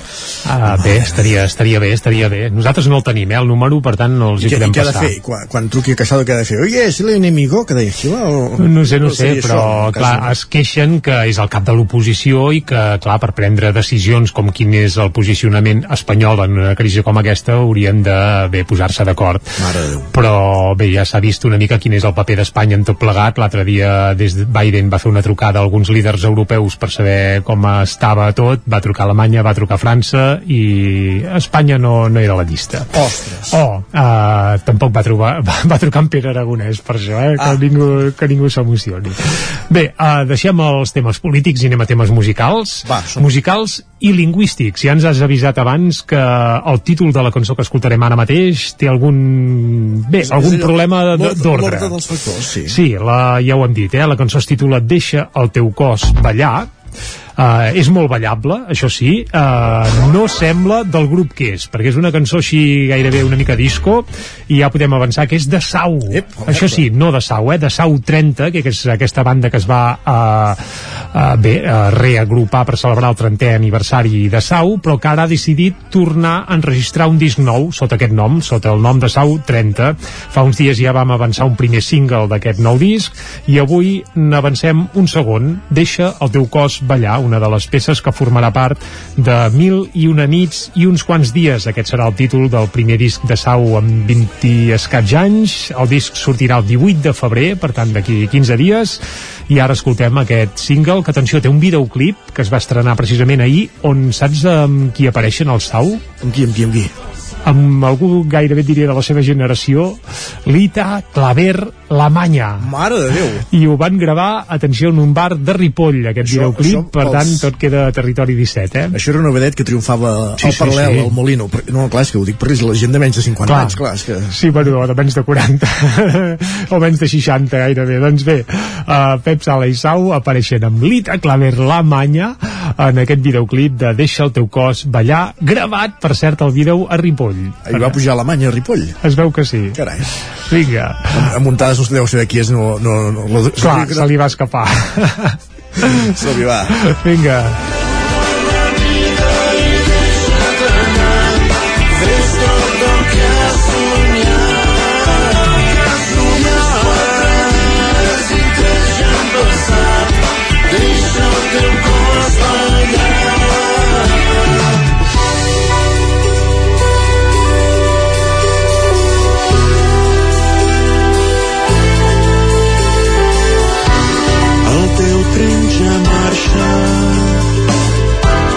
i no el pots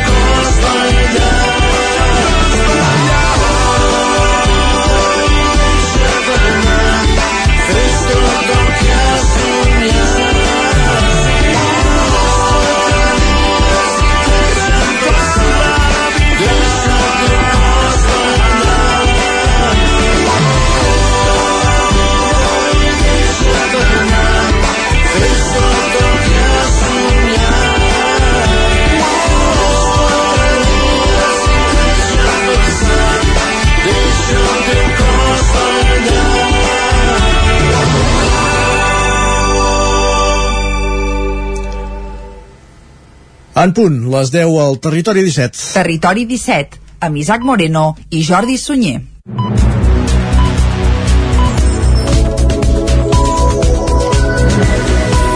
I el Territori 17 ara és, ara de, ara és hora de posar-nos al dia, d'actualitzar-nos amb les notícies més destacades de les nostres comarques, el Vallès Oriental, el Moianès, Osona i el Ripollès, des de les redaccions que cada dia fan possible aquest programa, la veu de Sant Joan, Ràdio Cardedeu, Ona Codinenca, Ràdio Vic, el 9 FM i el 9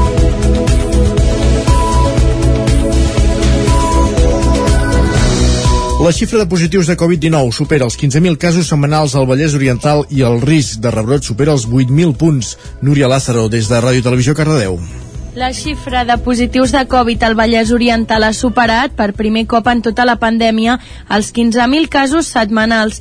En concret, segons les dades publicades aquest dimarts, hi ha hagut 15.580 diagnosis entre els dies 15 i 21 de gener. Són uns 3.000 més que la setmana prèvia, la del 8 al 14, 12.437. Amb aquestes xifres, la taxa d'incidència a 7 dies arriba als 3.747 casos per cada 100.000 habitants. Vol dir que un 3,7% de la població ballesana estava passant la malaltia en aquest període. També creix el risc de rebrot que supera els 8.000 punts i també se situa en xifres de rècord pandèmic. Als hospitals, entre els dies 15 i 21 de gener, hi ha hagut 134 persones ingressades, 20 més que en el període anterior.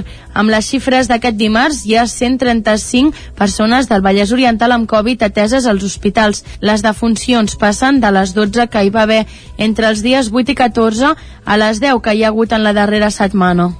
Torelló vol augmentar la implicació dels veïns en els pressupostos participatius. Per aconseguir-ho, les quatre formacions que hi ha representades a l'Ajuntament han treballat un projecte conjunt amb la voluntat d'incrementar la participació. Els quatre grups municipals de l'Ajuntament de Torelló s'han posat d'acord per tirar endavant els pressupostos participatius d'aquest 2022, els quals hi destinaran 30.000 euros. Es tracta d'un projecte conjunt al qual les quatre formacions han introduït millores amb la voluntat d'augmentar la participació, segons explicava el regidor de Participació Ciutadana, Xevi Lozano. Així Així, entre d'altres, es revisarà el procés, ja que l'any passat es va detectar el cas de persones que s'havien registrat però no van acabar emetent el seu vot. Ara s'ha iniciat la fase de presentació de propostes i després de fer unes taules de participació es farà una valoració tècnica per veure la viabilitat de cadascuna d'elles. L'any passat es va duplicar la partida i el projecte guanyador va ser la millora del passeig al voltant del Ter, que està pendent d'execució a l'espera del vistiplau de l'Agència Catalana de l'Aigua, l'ACA.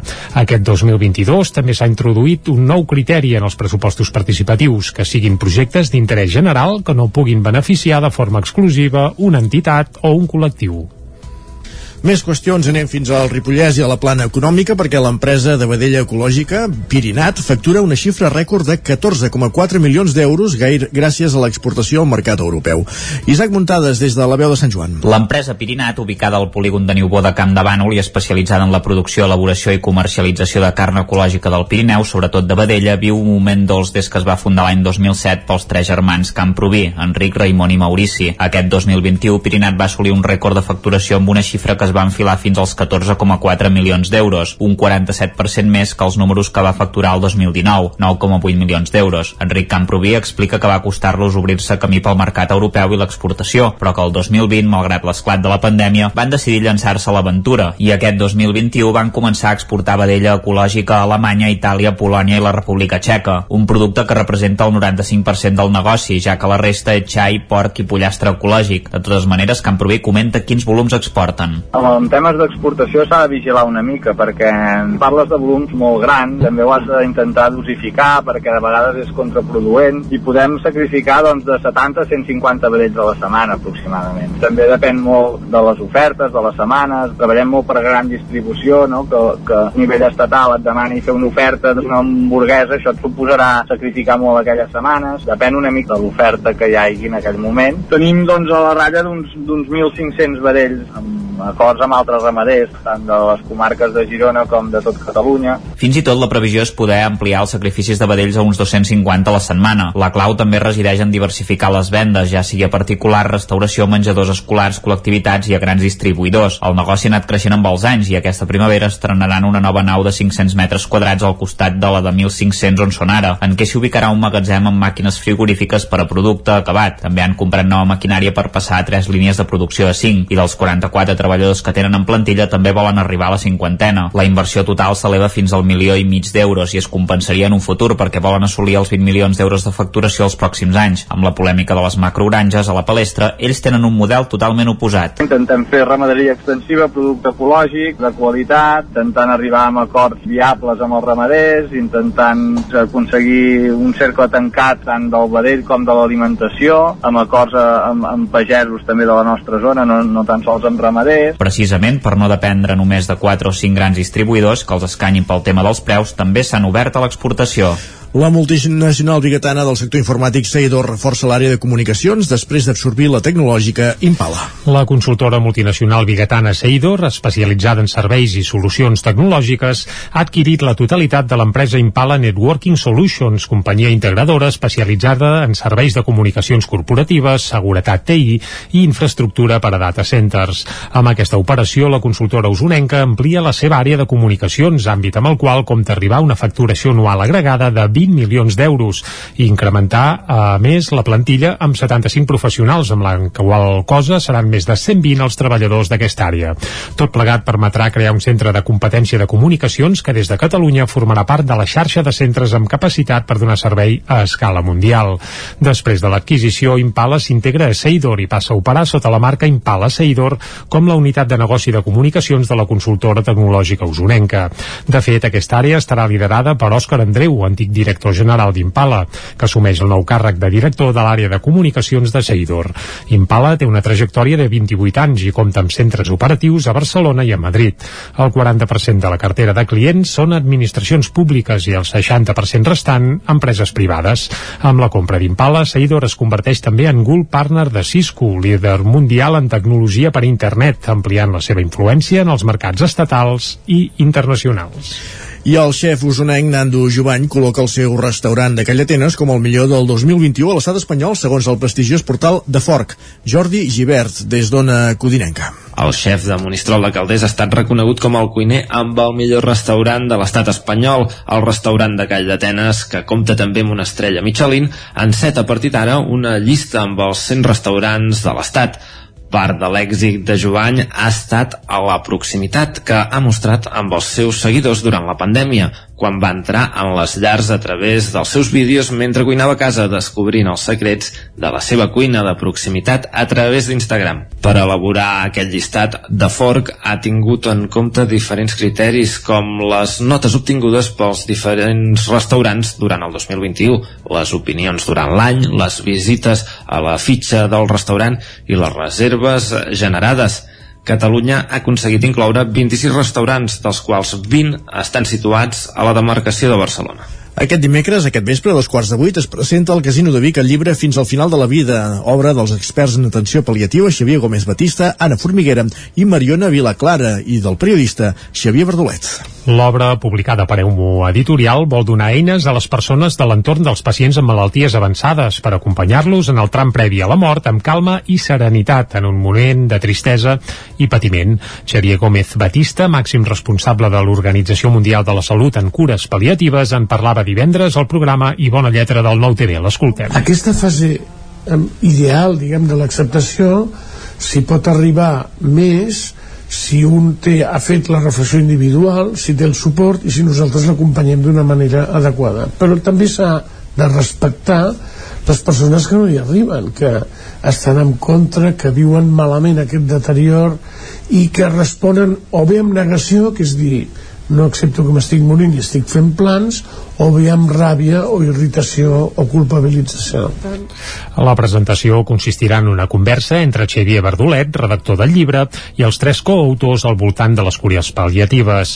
La benvinguda anirà a càrrec de Marina Geli, coordinadora del Centre d'Estudis Sanitaris i Socials de la Universitat de Vic, i Jordi Roca, director gerent de la Fundació Hospital de la Santa Creu, també de Vic. Per assistir a l'acte cal reservar plaça al correu electrònic eumoeditorial arroba eumoeditorial.com. Si voleu anar-hi, per tant, ja ho sabeu.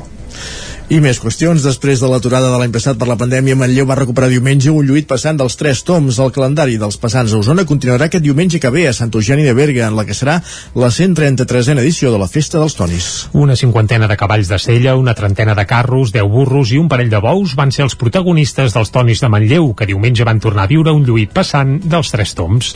La festa, que aquest cap de setmana es recuperava després d'un any d'aturada, obligada per la pandèmia, i ho feia amb un destacat caràcter intergeneracional i familiar, un repte històric de l'Associació de Tonis de Manlleu per garantir la continuïtat de la festa. Ho explica Josep Molist, de l'Associació de Tonis de Manlleu. Nosaltres sí que intentem eh, cada cop eh, i animar més el jovent que vingui, eh, costa però bueno, ho estem aconseguint, eh? cada cop tenim més jovent i bueno, és l'objectiu principal perquè, perquè per, per el que tu dius, perquè la festa no es perdi. És el cas de la Paula Camps, de Tona. És molt jove, es va introduir al món dels tonis pel seu avi i el seu pare, i ara és ella qui va als passants i ho fa amb el seu propi cavall. L'escoltem. Sí, bueno, jo vic a Tona i doncs des de sempre, bueno, que um, és tradicional els tonis perquè ja ho feia el meu avi i el meu pare i ara pues, m'he enganxat jo i sí, aquest cavall és meu i es porta molt bé i cada dia pues, vaig aprenent més venint aquí als tonis.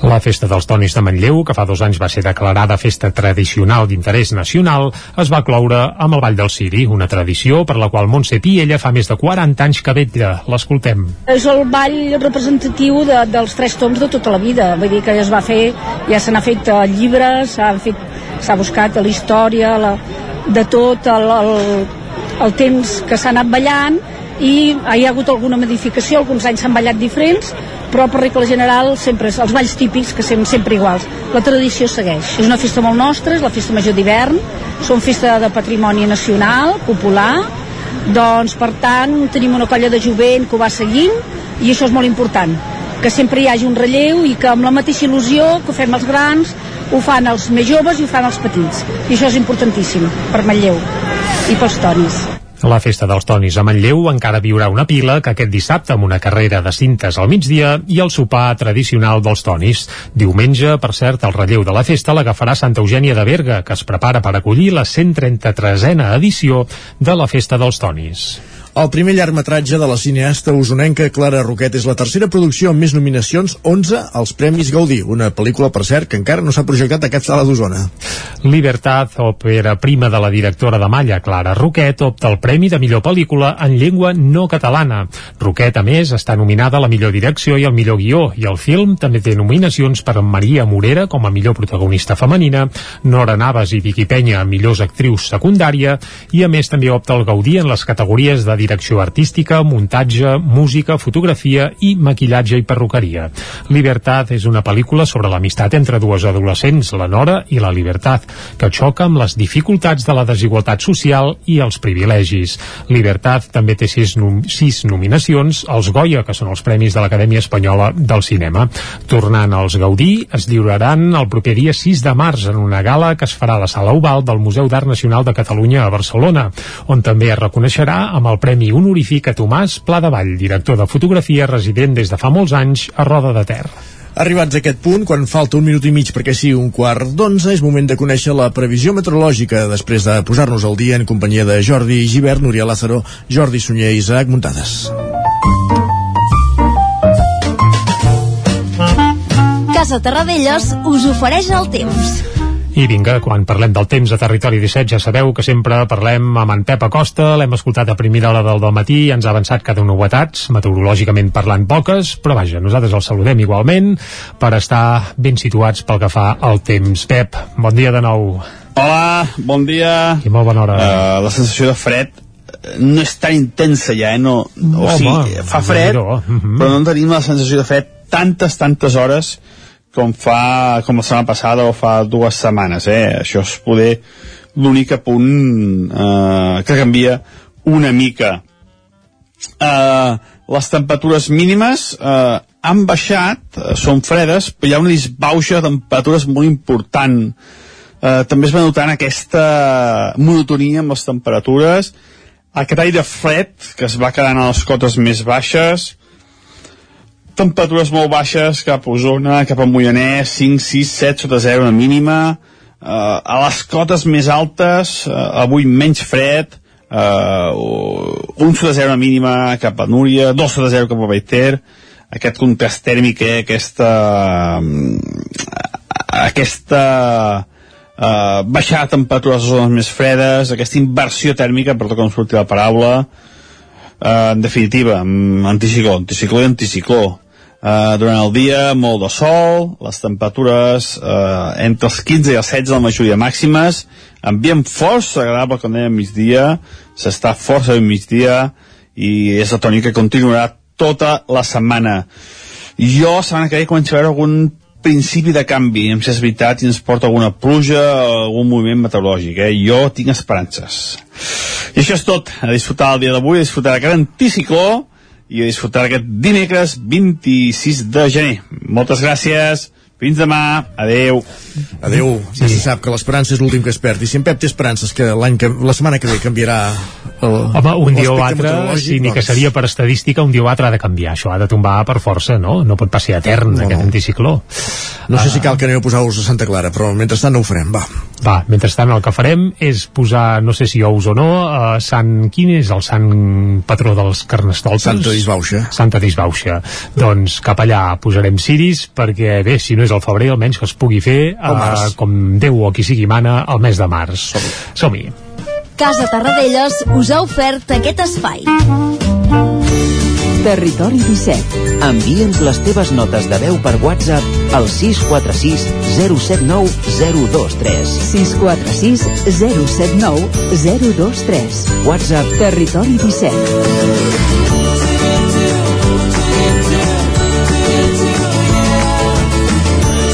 Territori 17. Som a Facebook, Twitter i Instagram amb l'usuari Territori 17.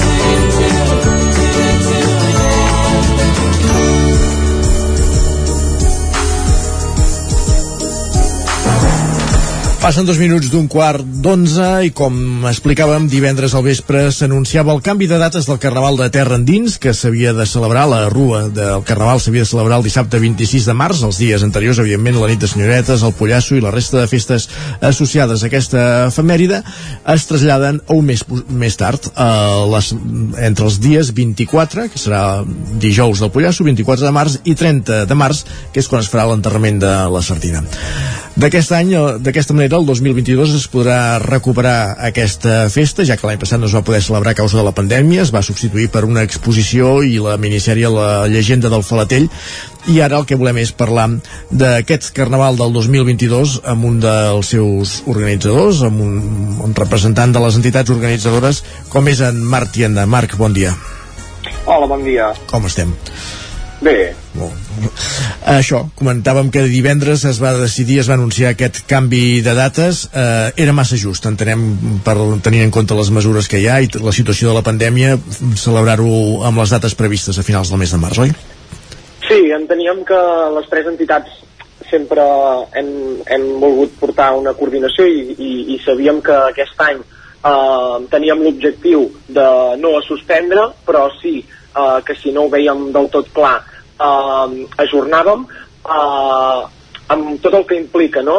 el, el coordinar-se tres entitats com són Pollasso, Deixebles que fa senyoretes i homenots i Acte que fa la rua amb una gran part d'implicació de, dels carrossaires fa que haguem de prendre les decisions a un mes vista i per tant dèiem que el dia 26 de febrer haguéssim anat just justos perquè ara veiem que les restriccions es van traient però de totes maneres no ens volíem arriscar i per tant prenem les decisions a un, a un mes vista i vam decidir que el millor per tots eh, era aplaçar aquest carnaval. Uh -huh.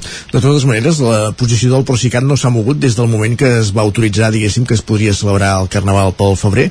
Eh, entenem que des de l'Ajuntament hi ha hagut converses, però que la, i, i aplaudeixen la mesura, però que no hi ha hagut cap directriu en aquesta línia d'ajornar la festa, no?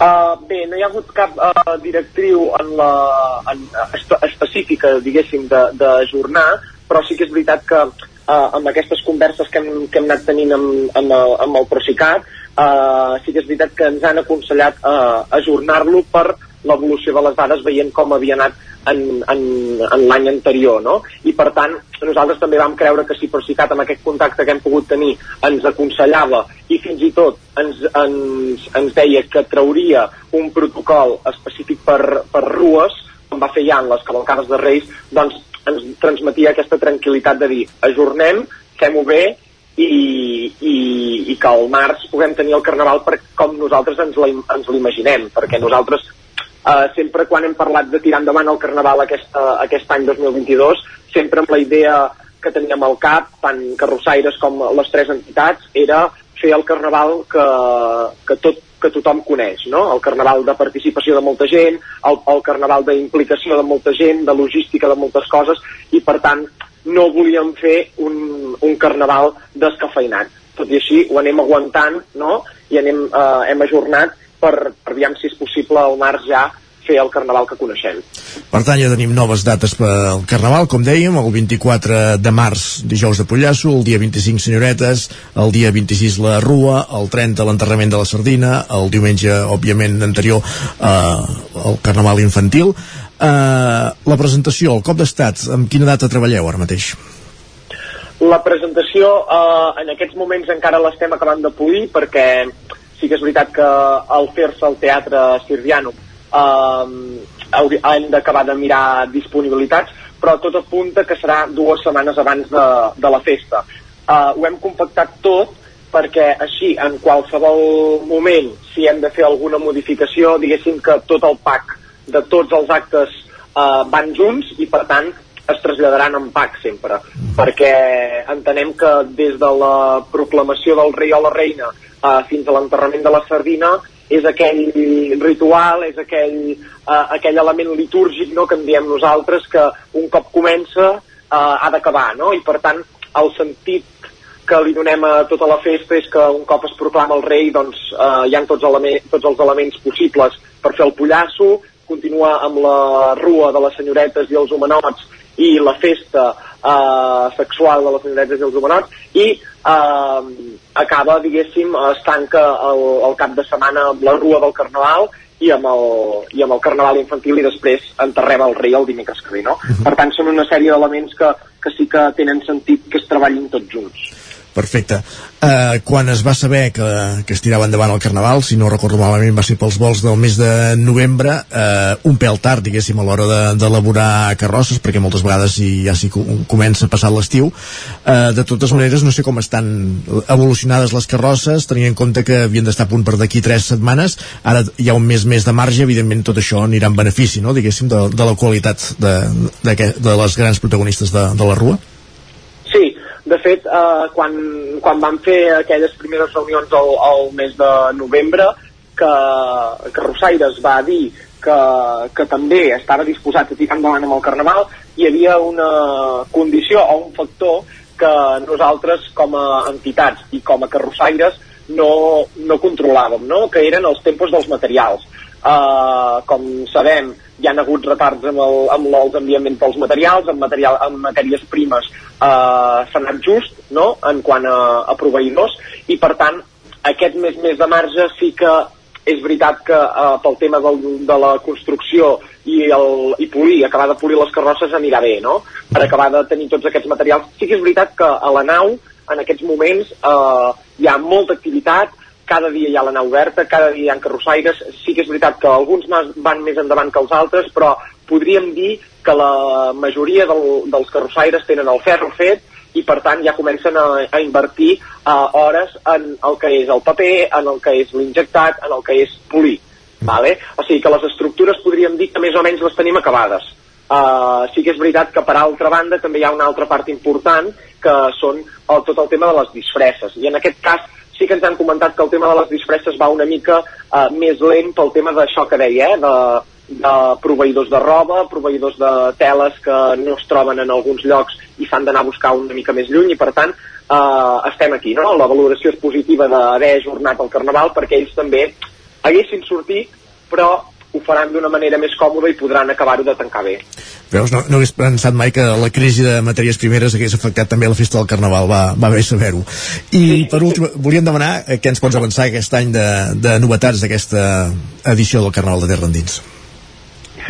Bé, doncs, uh, les novetats del, del Carnaval de Terra Endins d'aquest any és que, la, diguéssim, uh, en quant a, a Pollasso, uh, això diguéssim que s'ha d'acabar de, de teixir, no? perquè com com he dit amb el Procicat estem elaborant alguns protocols no? per si hem de modificar algunes coses, no? però uh, a grans trets el Pollasso uh, continuaria amb la mateixa essència, senyoretes i homenots sí que uh, van potenciar, uh, volen potenciar aquest carrer del sexe, no? que hem d'acabar de mirar aviam amb, amb les mesures i, i tot plegat com s'acabarà desenvolupant, però la idea és Pollasso, com sempre, eh, senyoretes, potenciem el, el carrer del sexe i a la rua del Carnaval, al final, en aquests moments estaríem parlant que eh, hi haurien unes 15, 20, com a màxim, comparses eh, que ja les inscripcions s'han obert i per tant ja s'estan fent les inscripcions um, i estaríem parlant d'unes 15 carrosses aproximadament a hores d'ara, no? que s'han inscrit, que ja han presentat les, les documentacions per, per poder participar. El tema del jurat eh, s'està buscant, amb el canvi de dates um, eh, s'està s'està mirant la, la, la, la, disponibilitat no, de, de, sí, a les agendes d'aquestes persones que havien, que havien de venir, però una cosa que volíem avançar són gent relacionada amb la cultura, gent relacionada amb l'escenografia, fins i tot alguns podríem avançar que, que potser ens ve algú d'altres carnavals de Catalunya, per tant eh, el jurat també s'havia treballat en aquest sentit. I el tema de la rua de, de Carnaval, el recorregut és el mateix, començarem al, al camp del Montserratí, eh, passarem pel carrer Sant Miquel i acabarem a la plaça de la Joanot. I després hi haurà, com, com he dit, el, les carpes, el, el ball de Carnaval, si tot ens ho permet, i finalment eh, carnaval infantil i, i enterrament de la sardina. Perfecte, Marc, moltíssimes gràcies. Això serà, com dèiem, entre els dies 24 i 30 de març, el, el nucli dur de, de les festes, per entendre'ns, des del dijous de Pollasso fins al dimecres de l'enterrament, el dimecres de centre, enterrament de la sardina, i posposant-ho un mes per garantir que es pugui celebrar la festa amb, amb la màxima normalitat possible. Gràcies, Marc Tienda, en representació de les entitats que organitzen el Carnaval de Terra Endins, per ser avui al Territori 17. Moltes gràcies a vosaltres. Bon dia. Bon dia. Arribats a aquest punt, el que fem nosaltres és, com cada dia, una petita pausa, 3 minuts i tornem de seguida amb les piolades. Fins ara. El nou FM, la ràdio de casa, al 92.8. Les males herbes no et deixen veure i clar? Amb Sebastià Vivet això s'acabarà. Desbrossaments forestals de finques i terrenys, treballs d'hort i boscos amb tractor, tallem gespa a l'engròs, som professionals i tenim tota la maquinària necessària. Truca'ns al 636 24 22 85. Sebastià Vivet, preparats pel que calgui. A la rostisseria El Plat ens agrada la cuina de sempre, la de les àvies i de les mares, la cuina feta amb paciència com s'ha fet tota la vida. Vine a provar els nostres canelons gruixuts o els croquetons, les nostres croquetes de 80 grams i recupera el gust del pollastre a com els que es menjaven abans. Ah, i aprofita, fins a finals de febrer, 20% de descompte en els canelons i el pollastre. Rostisseria El Plat, encàrrecs fins a les 12 del migdia i servei a domicili. Ens trobaràs de dijous a diumenge al carrer Església número 6 de Taradell o al 93 135 58 85. Cobertes serveis funeraris. Els nostres tanatoris estan ubicats en els nuclis urbans més poblats de la comarca d'Osona per oferir un millor servei. Tanatori de Vic, Tanatori de Manlleu, Tanatori de Centelles i Tanatori de Roda de Ter. Sabem que són moments difícils i per això el nostre compromís és atendre-us en tot moment amb un tracte humà, sensible i respectuós. Cobertes serveis funeraris. Telèfon 24 hores 93 883 23 46. Mmm, quan fa que no menges pluma ibèrica de Salamanca i xuletilles de lechal a la brasa amb una bona amanida? Oh, i un xuletón de vedella gallega? O lechazo de Castilla al forn? Ah, i botillo del Bierzo amb cachelos i col? Ei, i cochinillo a l'estil de Segòvia, i tot acompanyat d'un bon celler. Oh, i uns bons serranitos de pollastre, de llom, d'hamburguesa, del que tu vulguis. Per menjar la millor cuina de lleó sense moure't de casa, vine a El Racó de León. Fem cuina tradicional lleonesa i de mercat. Vine amb la família, amb els amics, amb la parella o sol. T'encantarà. El racó de León. Som al carrer Torelló 35 de Vic. Reserves 93 889 1950. Tanquem els dimarts. El racó de León. Vine a tastar una cuina diferent. El nou FM, la ràdio de casa, al 92.8. Cocodril Club. Si t'agrada la bona música dels anys 60, 70 i 80, escolta el 9 FM als matins de dissabtes i diumenges d'11 a 1. És el temps del Cocodril Club, tot un clàssic de la ràdio, amb les bases del pop-rock, les llegendes, les cançons que s'han convertit en autèntics himnes. Recorda, dissabtes i diumenges al matí, d'11 a 1, al 9 FM 92.8. Cocodril Club, el programa revival de l'Albert Malla. Hasta luego, cocodrilo.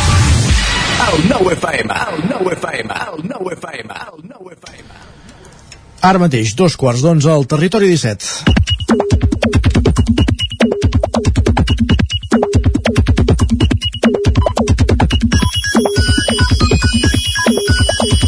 I aquesta sintonia que sona cada dia a aquesta hora ens indica que ens acompanya ja en Guillem Sánchez a l'estudi, Jordi. I els senyals horaris ens indiquen que som dimecres. Tenim un misteri d'aquells que no hem acabat d'aclarir i els dimecres els senyals horaris es descompensen un pèl, eh? Uh, per tant, el que hem de fer és saludar ja en Guillem Sánchez, quan passa mig minut ja de dos quarts d'onze. Guillem, bon dia. Bon dia.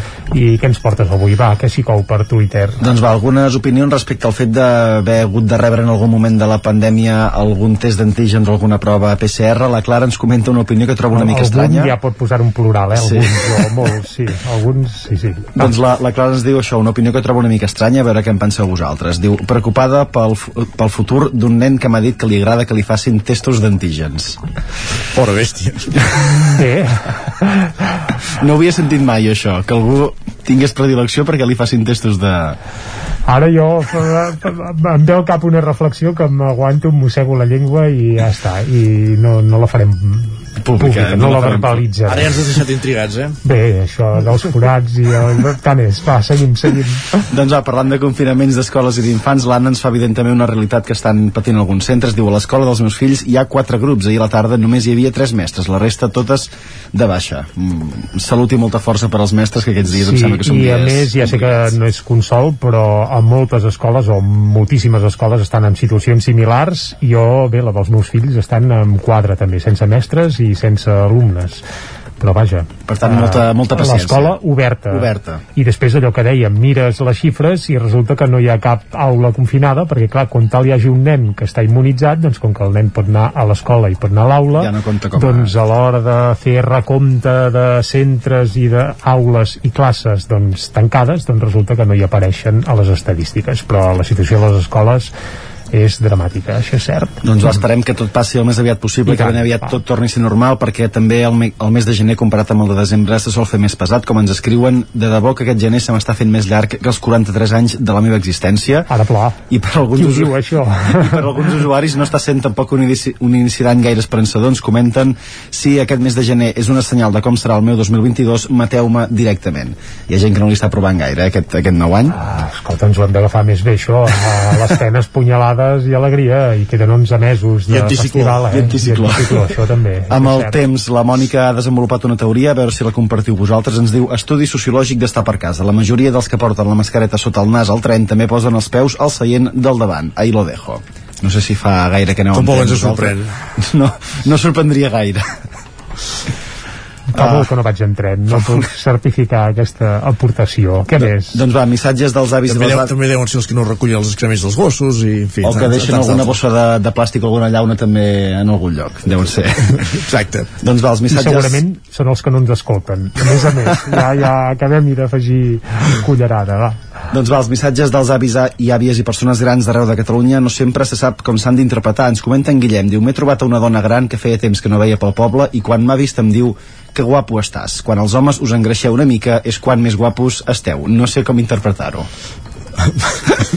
Uh, clar, tampoc sabíem d'on venia, eh, aquest xicot. No, sí, clar, no ho potser sabem, feia això. 35 quilos, ara en fa 40 i diu, uita, que bé que li queden aquests Ostres, però quilets. també. no sé si és gaire, com, com es diu vulgarment, no sé si és gaire piropo això que et diguin que si, si estàs engreixat estàs més, més maco. No, Jo crec que ho hem d'interpretar sempre eh, des de la vessant positiva, per tant, Sí, sí, home, sí, això és una floreta i fantàstic.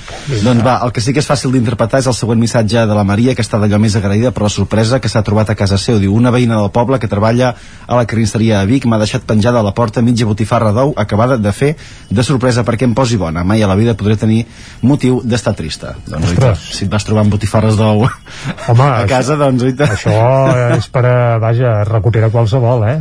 I us en recordeu que aquesta setmana parlàvem d'aquella nena que es posava música d'ACDC per fer els deures a Correcte, casa? i tant. Doncs avui una segona ració d'un altre usuari. No és l'única, segona ració, va. La Marta ens escriu, context, cotxe per anar a l'escola, diu entre parèntesis, la nena no està confinada. Diu, mama, puc triar i posar una cançó de l'Spotify? I li diu, esclar que sí. Aquí jo començo a pensar que posarà reggaeton, no puc pronosticar res de bo. I em fot això, amb dos ovaris, i va triar el We, We Will Rock You de Queen. Molt bé, Ho veus? vinga. S'ha de tenir més confiança amb els deixebles, home. I, tant, no tot s'ha perdut. Uh, I l'Albert no pensa tant en música, però sí en altres coses. Ens comenta, em preocupa una mica la quantitat de donetes que, posarà, que posaran a cada paquet en 10 anys més. 11 més un gratis, perquè es veu que hi ha paquets que n'hi ha molts i molts i molts. Ostres, jo aquí donen també em perdo, eh? No sé l'Isaac si és expert en aquesta aportació no, gastronòmica, diguéssim. no, eh? Li responen alguns usuaris fa poc... Però vol ens- dir que no en mengi de tant en tant. Alguns usuaris diuen fa poc ens en van robar i hi havia paquets de 7 i de 8 i li diu no cridis al mal temps i mentrestant l'Andreu sentencia és més fàcil d'entendre hentai de la Rosalia que el fet que un paquet de donetes trobis dos donetes gratis i a un altre no. Per tant, seguirem investigant a veure si podem arribar a alguna, alguna teoria sobre la quantitat de, de donetes que hi ha en cada... Bé, cada investigar no gaire, anar cap al súper i mira que a mi la. Rosalia em costa d'entendre, eh? també t'ho diré. Eh? Don- doncs imagina't, Isaac, hi ha gent que entén més això que no pas lo dels paquets de, dels donetes. Ho deixem aquí. Va, doncs Gràcies, uh, jo ara aniria a esmorzar i em compraria una caixa de donetes, però és que hem d'anar a mirar les portades del Doncs va, 99.cat, som-hi. per tant, el dels donetes ho deixarem per un altre dia. Comencem per l'edició d'Osona i el Ripollès, que ara mateix obre explicant que crema una nau industrial a Roda. Bé, ara ja no crema, però Va, cremava sí, tarda, ahir al quarts de 10 del vespre, quan els bombers doncs, van uh, anar al carrer del Torrent de Roda. Anar-hi on va anar a les hi 5 havia- de la tarda, eh? Ah, bé, no sé a quina hora hi van anar, però Sí. això, a quarts de deu de la nit continuaven remullant i ventilant l'edifici, però a causa de l'incident es van evacuar treballadors, però no hi ha hagut cap afectació eh, personal. Avui també parlàvem d'un incendi a Vic, doncs eh, també un a Roda ahir, eh, en aquest cas ahir. També, eh, què més trobem a la portada del 99.cat? El Ripollès perd protagonisme en els Jocs Olímpics d'hivern 2030. Seidor reforça l'àrea de comunicacions després d'absorbir la tecnològica Impala, ho hem explicat fa poc aquí a Territori 17, i Torelló vol augmentar la implicació dels veïns en els pressupostos participatius. Anem cap a l'edició del Vallès Oriental, titular principal. Zara aquest dimecres la botiga de Granollers després de 21 anys a la ciutat. I aquest titular eh, ve acompanyat d'una fotografia amb cues de gent eh, per entrar al Zara, suposo que deu un fer allò liquidació final i bé, la gent eh, recollir el que faci falta. També l'Ajuntament de Martorelles rep el primer nadó de l'any, el primer nadó nascut a Martorelles, evidentment, i li fan un regal, això sempre és d'agrair, i les policies de Canovelles i les franqueses del Vallès i els Mossos faran un dispositiu conjunt per evitar concentracions de cotxes i festes als polígons. Perfecte, Jordi, gràcies. Acabem aquí la, edició, la part digital del Territori 17. Entrem a la taula de redacció. Anem.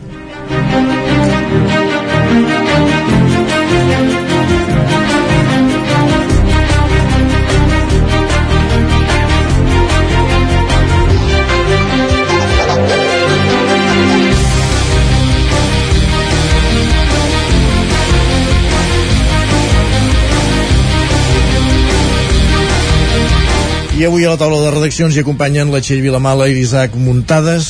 Comencem, Txell, parlant del ple de l'Ajuntament de Manlleu d'aquest mes de gener que va tenir lloc aquest dimarts i al vespre, fa poques hores, diguéssim. Com va anar aquesta sessió? Uh, exacte, sessió relativament tranquil·la, tot i que amb punts importants a l'ordre del dia. El més destacat és que es va aprovar uh, inicialment la minuta del conveni urbanístic que permetrà uh, doncs definitivament tirar a terra, enderrocar l'antiga caserna de la Guàrdia Civil, uh, que és un tema que hem seguit molt intensament en el cas de Manlleu els últims anys. Uh -huh. uh, recordem que es va arribar a un acord amb el Ministeri de l'Interior per partir horitzontalment la finca, això vol dir que uh, l'Ajuntament per dir-ho així, ras i curt, se'n queda un tros i el Ministeri se'n queda un altre tros, el Ministeri serà l'encarregat d'enderrocar l'edifici que hi ha actualment i llavors cadascú a la seva part eh, hi podrà fer el que bonament vulgui. Ai, quina por que hi farà el Ministeri, Manlleu. En, en el cas de la part aquesta del Ministeri eh, es preveuen segurament usos residencials de tipus privat eh, tot i que també podrien anar despatxos, eh, botigues. En el cas de l'Ajuntament sí que està més avançat, que en un futur agradaria construir habitatge eh, de tipus més de caire social per persones joves. També s'havia especulat amb la possibilitat que fos per eh, gent gran, eh, un tipus d'habitatge tutelat.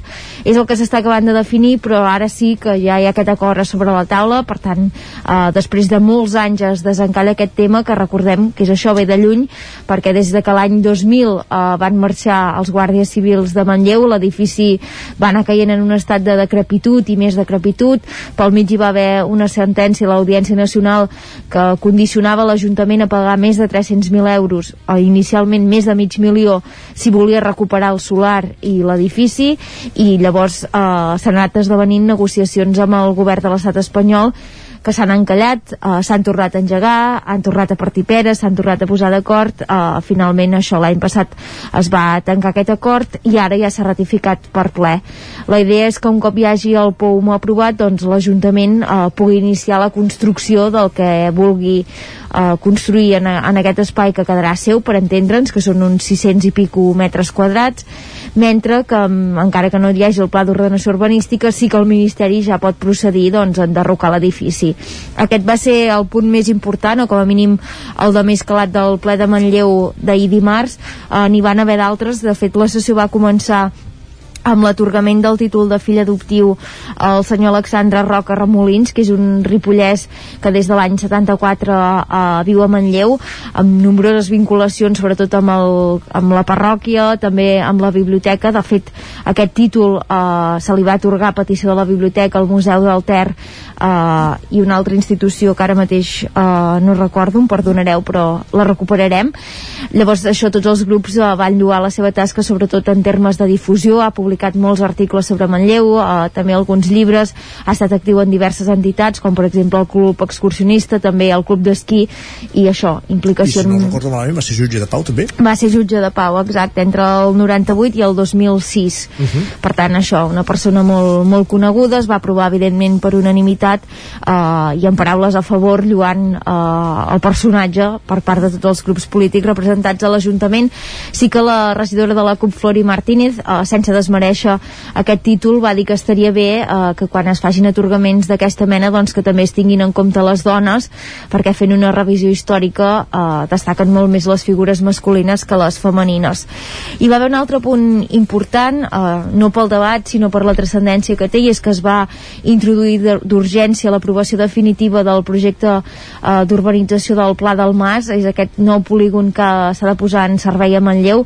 També fa molt de temps que se'n parla, el Sí. camí ha sigut llarg, eh, sabem que l'administració pública és farragosa, que des de que s'anuncien les coses fins que acaben passant, a vegades això, eh, hi ha un decalatge important de temps, però ahir sí que el ple va aprovar aquest eh, pla d'urbanització que ara permetrà doncs, ja definitivament que les màquines puguin entrar a treballar-hi i per tant que en un període relativament curt de temps doncs, puguem veure indústries en aquesta nova zona de Manlleu. L'alcalde Àlex Garrido va insistir que és molt necessari perquè ja fa temps que els consta que hi ha empreses de la ciutat que volen créixer, que necessiten espai i que si no el troben doncs, en aquest municipi se n'hauran d'anar altres emplaçaments a, a, a fora de Manlleu. Llavors la regidora Moreta també va insistir eh, amb la necessitat de disposar d'aquest sol industrial. Eh, des de la CUP van fer mm, una mica de crítica en el sentit que això s'introduís d'urgència, sent un tema tan important, però l'alcalde va explicar que estaven pendents eh, d'una resolució de l'Agència Catalana de l'Aigua que havia arribat eh, justament aquell mateix dia, que era l'última cosa que faltava i que de seguida han tingut han, ho han introduït a l'ordre del dia. I llavors per acabar eh, de l'ordre del dia no hi va haver més punts, uh, si més no, diguem, destacats o de calat de cara uh, al dia a dia de la ciutadania, però sí que en torn de pregs i preguntes uh, i també amb la informació de regidories hi va haver un últim tema que crec que és important d'explicar. Uh, recordem que Manlleu està pendent de posar en marxa el sistema de recollida porta a porta, serà el municipi més gran d'Osona a atrevir-se a fer el pas cap a aquest tipus de, de model de recollida. Uh, la idea era començar ja aquesta primavera amb indústries i comerços, llavors eh, abans de l'estiu poder fer com a mínim la meitat de la ciutadania, la meitat de la recollida domiciliària i anar creixent en pocs mesos, això, abans d'acabar l'any, doncs tenir tot Manlleu amb el porta a porta. Això es manté, eh, però l'equip de govern va explicar que respecte a les previsions inicials es retardarà segurament uns dos mesos, això ens porta a l'abril o al maig començar amb les indústries i comerços i en el cas de la recollida domiciliària doncs a partir del setembre. Segons van explicar, eh, n'estan parlant amb CESPA, que recordem que és l'empresa que va guanyar el procés de licitació, per tant, qui s'encarregarà de fer el porta a porta, i deien que començar a ple estiu amb la gent mig de vacances, que potser no acabaria d'arribar la informació, en aquestes campanyes és important fer molta pedagogia, explicar bé com s'haurà de fer, doncs que el més assenyat o no, no era fer-ho en, en període d'estiu. Per això es deixaran passar aquests mesos de més calor i de cara al setembre, doncs, la idea inicial porta a porta també per tots els veïns i veïnes. Perfecte, doncs queda notat i veurem com l'aplicació d'aquest porta a porta també a Manlleu. Gràcies, Txell. Gràcies. I com dèiem de la redacció del 9FM anem fins a la de la veu de Sant Joan amb l'Isaac Muntades per parlar d'aquesta qüestió que des de divendres des, des de divendres que es va anunciar ha generat molts comentaris al Ripollès que és el fet de quedar exclosa com a comarca d'aquesta consulta que vol impulsar el govern per decidir el futur de la candidatura eh, olímpica d'hivern de l'any 2030. Bon dia, Isaac. Bon dia, bon dia Isaac. Doncs sí, com comentaves, doncs eh, no, no, ha, no ha sentat massa bé no, aquesta decisió de, del govern de no incloure el Ripollès, però també el, el Berguedà i el Solsonès en aquesta consulta.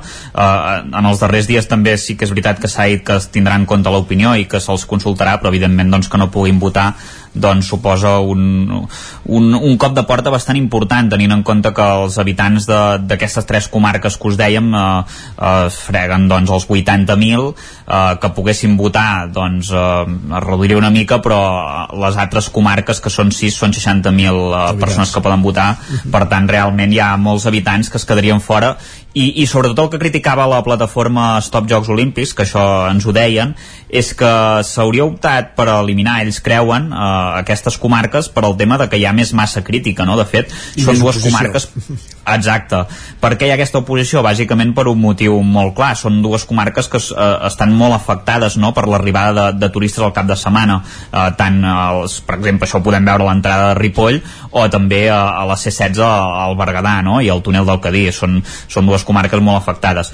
Eh, llavors, eh, això és el que s'hauria dit. Eh, clar, sorprèn una mica el fet de que s'hagi eh, fet aquesta consulta que es farà el, el mes d'abril, teòricament, a principis de la, de la primavera, si tot va com, com ha d'anar, i, i sense que hi hagi doncs, un projecte clar a damunt la taula perquè la gent pugui saber exactament què, què està votant, no? perquè evidentment per ara no se sap on es faran les proves eh, i, i encara doncs, està molt tot eh, molt verd i per definir, de fet s'està eh, la plataforma també amb el govern i amb la consellera de, president, de presidència Laura Vilagrà eh, havien quedat que s'intentaria doncs, fer aquesta consulta més a finals d'any per fer pedagogia i això no, no ha estat possible no? i, i de moment es, es farà ara Uh, per el que fa a les institucions dir-vos que també hi ha, hi ha hagut sorpresa per exemple aquí sí que hi ha un cas per, eh, que és, és estrany en certa manera que el president del Consell Comarcal eh, Joaquim Colomer, ell sempre ha, ha expressat que no estava a favor de fer una consulta més que res perquè això era un projecte que havia de portar al govern però evidentment un cop s'ha decidit fer està totalment en contra de que no s'hi inclogui eh, el Ripollès, no? però que ell evidentment creu que és una manera de posicionar doncs, a, als Pirineus, doncs, a, al món, a Europa, no? I, i que la gent ho, ho pugui conèixer, uh, com així també ho deia l'alcalde de, de Molló, Josep Coma, que ho atribuïa fins i tot a, a un desconeixement geogràfic per part de, del que seria el govern, no? que no incluïen com a Pirineus doncs, dues comarques on evidentment eh, no només hi ha els prepirineus, també hi ha els Pirineus, sobretot en el cas del Ripollès que, que és flagrant i que el, eh, cal explicar i explicitar que una part de l'estació de, de la Molina pertany sí. al terme municipal de Toses, al Ripollès. Vull dir que això segurament seria la part més, més greu. Veurem per això, és això, falta veure el projecte olímpic, també hi ha diferències entre Catalunya i l'Aragó, perquè I Aragó, vol, exacte. vol formar part eh, molt activament d'aquesta candidatura, de fet té el suport en aquest aspecte del Comitè Olímpic Espanyol, i Catalunya la vol liderar, en tot cas, acceptant l'Aragó com, a com a col·laborador, i clar, també s'hauran de repartir s'haurien de repartir segurament eh, les, les diferents seus d'aquests Jocs Olímpics això en el cas que la candidatura tirés endavant i que, i que, se'ls I que guanyés. i que, i que guanyés i que se li concedís aquesta organització gràcies Isaac per ser un dia més al Territori 17 parlem més A tard vosaltres. fins ara Fins tard. i ara al Territori 17 deixem enrere la taula de redacció i ens centrem amb els llibres, amb el lletra ferits Territori 17, el 9 FM, la veu de Sant Joan, Ona Codinenca, Ràdio Cardedeu, Territori 17.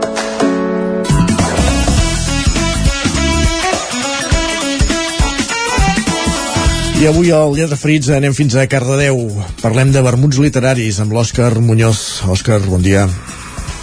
Benvinguts a un nou Lletraferits des de Cardedeu. Avui parlarem amb l'escriptora i periodista Clara Martínez Clavell dels vermuts literaris. Comencem amb els vermuts, aquesta nova edició del 2022. Ja, ja hem fet el primer vermut. I explica'ns, perquè ja... Què, què canvia d'un vermut a l'altre? Eh, Només hem pogut veure, per exemple, escriptores, no? Sí, una mica a partir d'aquest 2022, una mica la, la idea era, eh, per acabar aquesta sisena edició, apostar per, per dones, per escriptores, i, i bàsicament eh, des d'ara fins al març i des de l'abril que farem el nou cartell fins al juny tots seran, tots seran dones una mica per donar valor també a, a les dones creadores i perquè tinguin aquest espai que són els vermuts literaris doncs, per, per explicar les, les seves novel·les Doncs això, comencem a veure qui ens portes. Ja parlem de la passada eh, amb la Carlota Gurt, que va Mhm. presentar el seu llibre sola, bueno, el seu primer llibre, no és? És la seva primera novel·la. Anteriorment havia publicat un recull de contes i s'estrenava com, a, com a novel·lista. I mm, jo la coneixia amb Cavalcarem tota la nit que va, ser, va guanyar el Premi Mercè Rodoreda que va ser aquest llibre de, de contes i amb Sola s'estrenava doncs això, um, com a primera novel·la.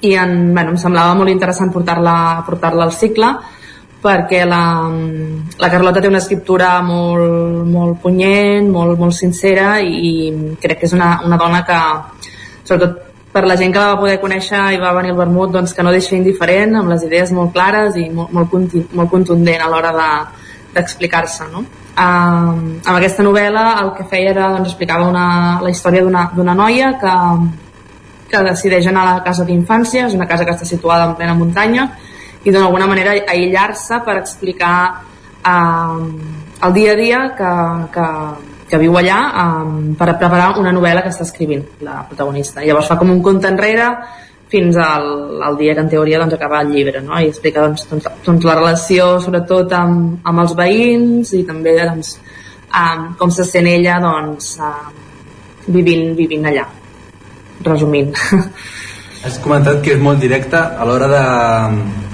del llibre, ha investigat una miqueta sobre aquest llibre i sí que les converses no, entre, o sigui, és molt dinàmic, és molt ràpid Sí, bueno, té una escriptura que hi ha moments que confons si allò està passant realment o són només els, els pensaments a les olles que es fa la mateixa protagonista, no? Perquè barreja molt la realitat amb, amb, amb, amb ficció i et fa entrar en un món bastant peculiar, no? que al final és, entres molt al, al cap d'aquesta protagonista, tot el que pensa, tot el que viu, hi ha moments que dius, però això ho està pensant, o ho està veient, o està...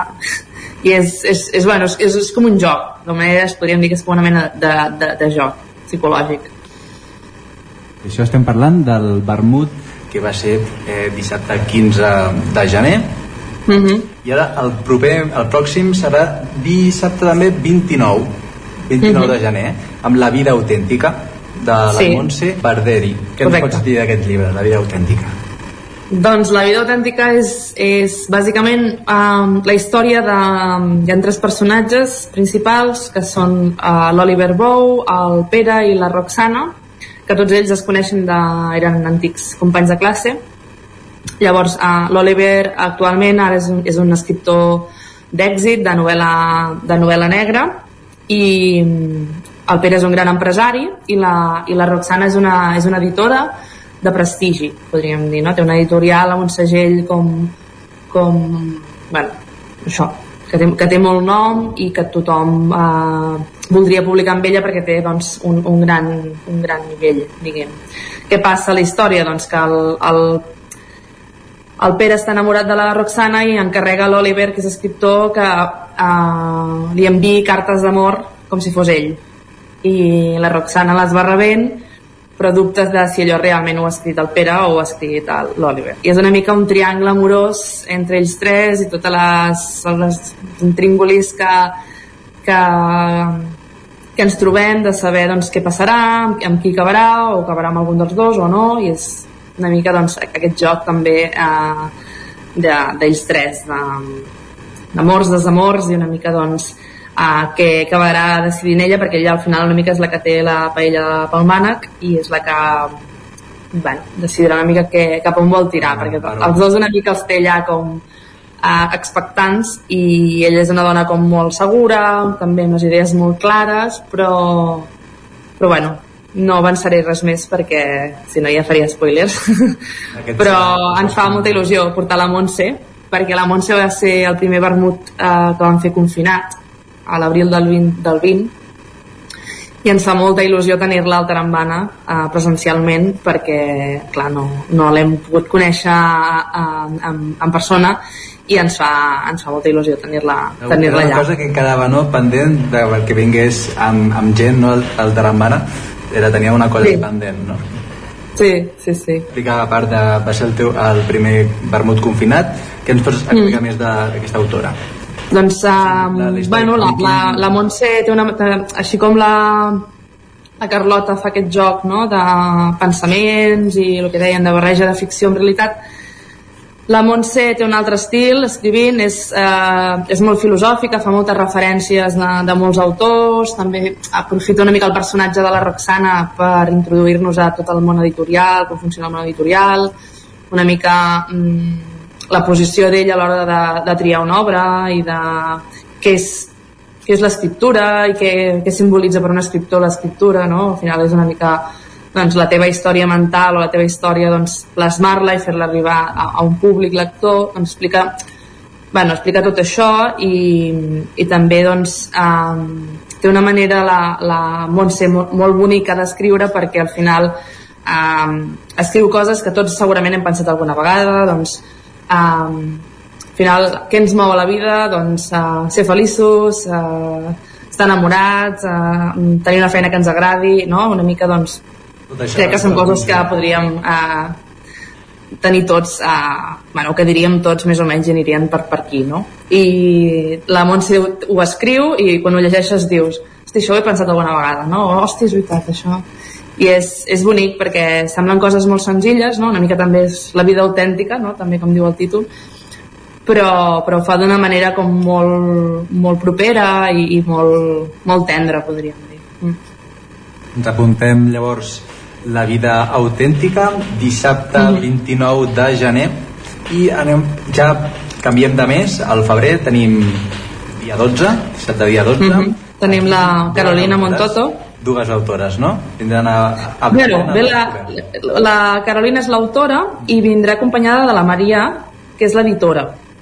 Amb la Maria també vam fer un vermut confinat al novembre, perquè va ser aquell moment que ens van tornar a confinar, el novembre del, del 2020, i també ens fa molta il·lusió doncs, tenir-la presencialment a, al Tarambana i farem un vermut, doncs, amb, serem tres, no? a diferència d'altres que som, sempre som l'autor, l'autor, l'autora i, i jo.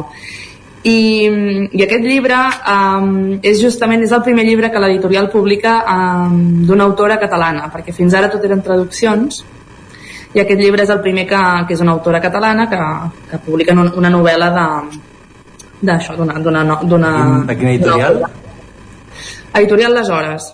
És una editorial petita, però que tenen bon, bon catàleg i, i en aquest cas és la història de, de l'Helena, no? que explica una mica doncs, la, l'Helena es troba que té 50 anys, que té una feina doncs, que, um, de traductora que la fa sentir doncs, per una banda solitària i també doncs, tots, totes les dificultats que té per acabar el mes i és una noia que no té, no té, cap, no té parella i llavors també eh, com li afecta el fet de no tenir parella amb la relació amb el seu pare i una mica amb la família en si. És una mica doncs, la, la, la vida d'aquesta noia de l'Helena, l'Helena al descobert.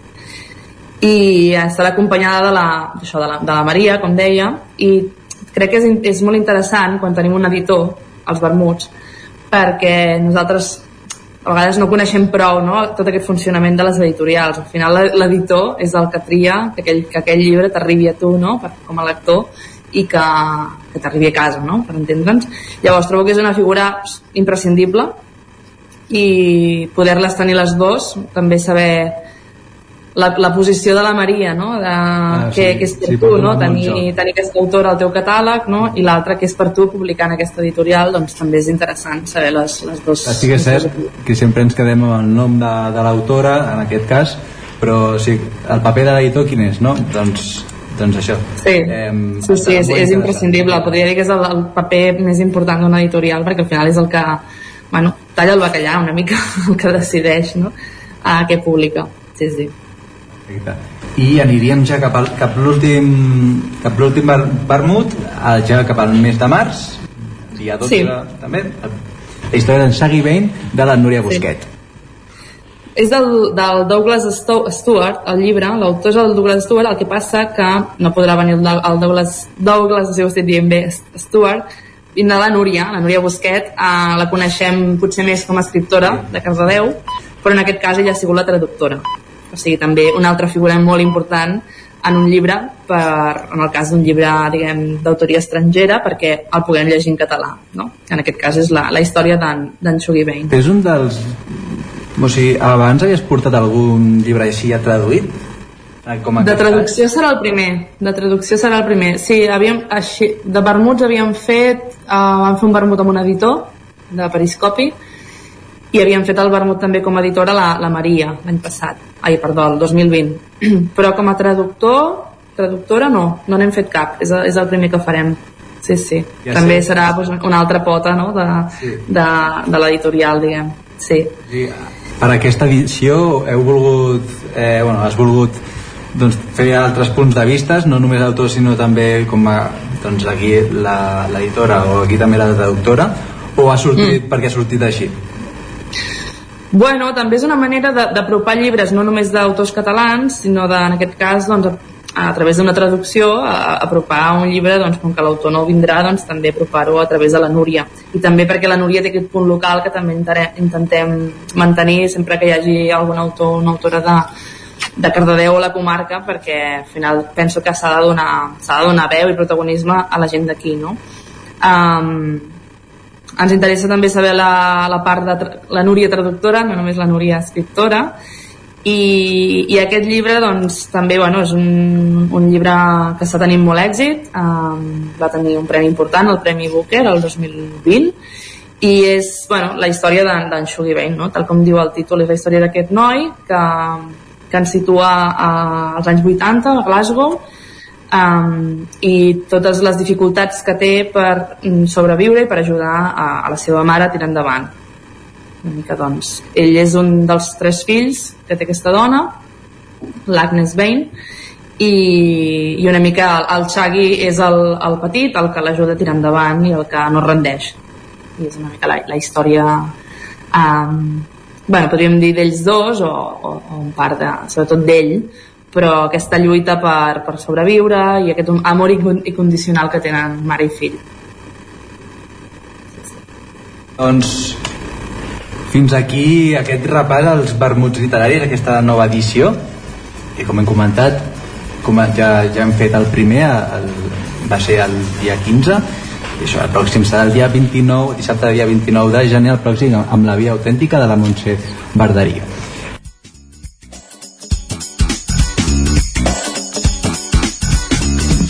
Doncs gràcies, Òscar, per una nova edició del Lletra Ferits. Continua al Territori 17.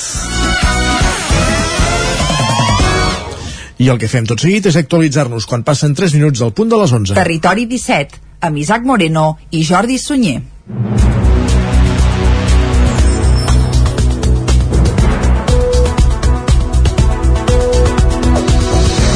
A aquesta hora els expliquem que el govern aixecarà a partir de divendres les restriccions vigents per Covid-19 en trobades, aforaments i horaris. L'oci nocturn, en canvi, es mantindrà tancat. Demà dijous serà l'últim dia d'aplicació i a partir de divendres ja no hi haurà la limitació de trobades socials a 10 persones. També s'acabaran les limitacions d'aforament i horaris a la restauració, on ara el límit en interiors era del 50%, i a més també desapareixeran els topalls d'aforaments a la cultura, als gimnasos, als parcs de- als parcs d'atraccions, actes religiosos o també a les cerimònies civils. Patricia Plaja és la portaveu del govern. ni són necessàries ni ara ja estan justificades. Han servit, han servit molt, que ningú en dubti d'això, però la, la pandèmia evoluciona i ens hem, ens hem d'adaptar. La previsió és que no avui encara, però que sí en les properes setmanes, si no els propers dies, puguem anunciar ja aquesta reobertura de l'oci nocturn. De moment, però, l'oci nocturn és l'únic àmbit que continuarà tancat i el passaport Covid també es manté. El govern aposta per un nou relaxament, tot i l'alt nivell de contagis que encara està provocant la variant Omicron, perquè els ingressos a les UCI i les visites a l'atenció primària, segons el govern, estan estabilitzats. Les sancions imposades dels radars fixos de la C-17 de Centelles, Ce- Ceba i Sant Martí de Centelles, perdó, han crescut exponencialment des del passat mes d'octubre, quan el Departament de Territori va decidir rebaixar la velocitat màxima permesa dels 100 km per hora als 80.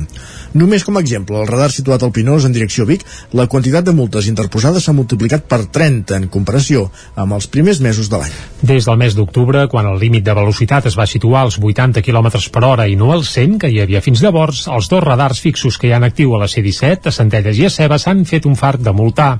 Segons dades del Servei Català de Trànsit, el que hi ha abans d'arribar a Aiguafreda i a Sant Martí de Centelles, en sentit Barcelona, va interposar de mitjana 180 sancions mensuals entre el gener i l'octubre de 2021.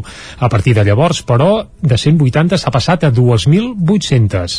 El mateix passa amb l'aparell del Pinós, en sentit Vic, que ha multiplicat per 30 el nombre de multes mensuals. D'una setantena s'ha passat a 2.180.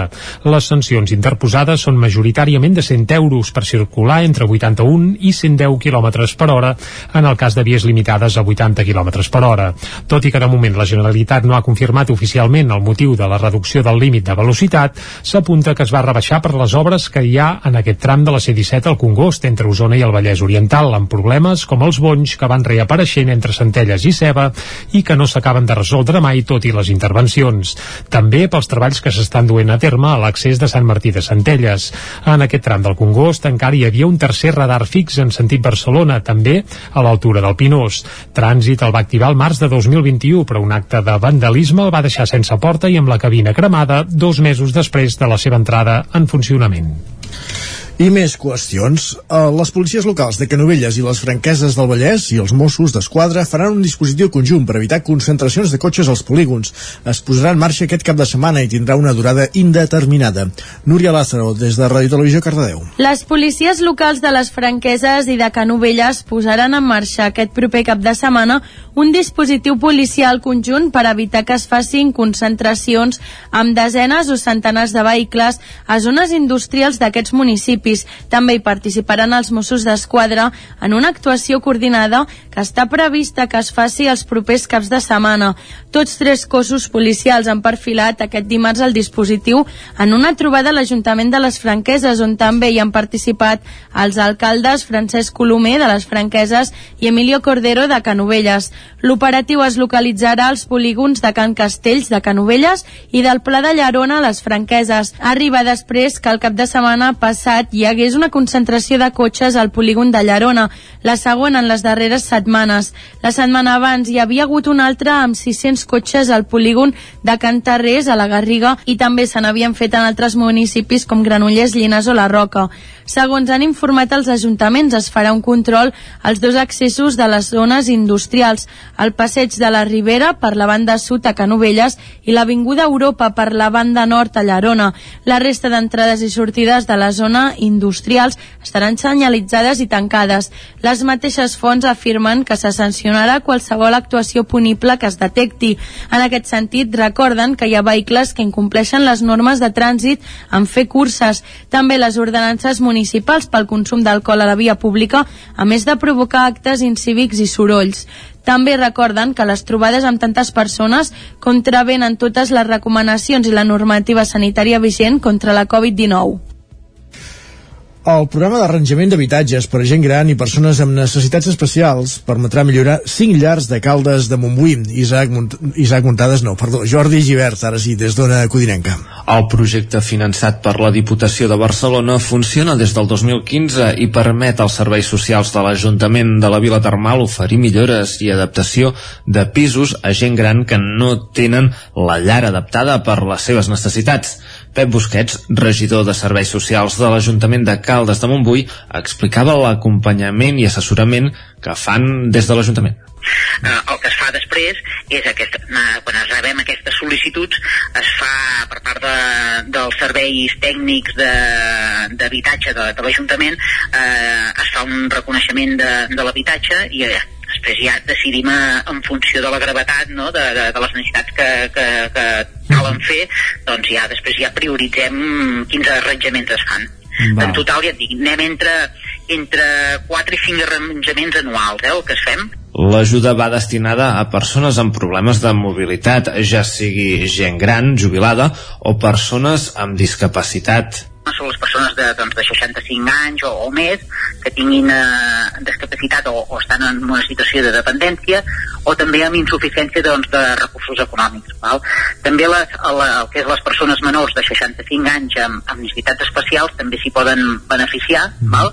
Cada any a Caldes de Montbui el programa d'arrendaments eh, per a gent gran permet adaptar entre 4 i 5 llars de la vila termal. Això suposa unes 25 llars des de l'inici del projecte al 2015.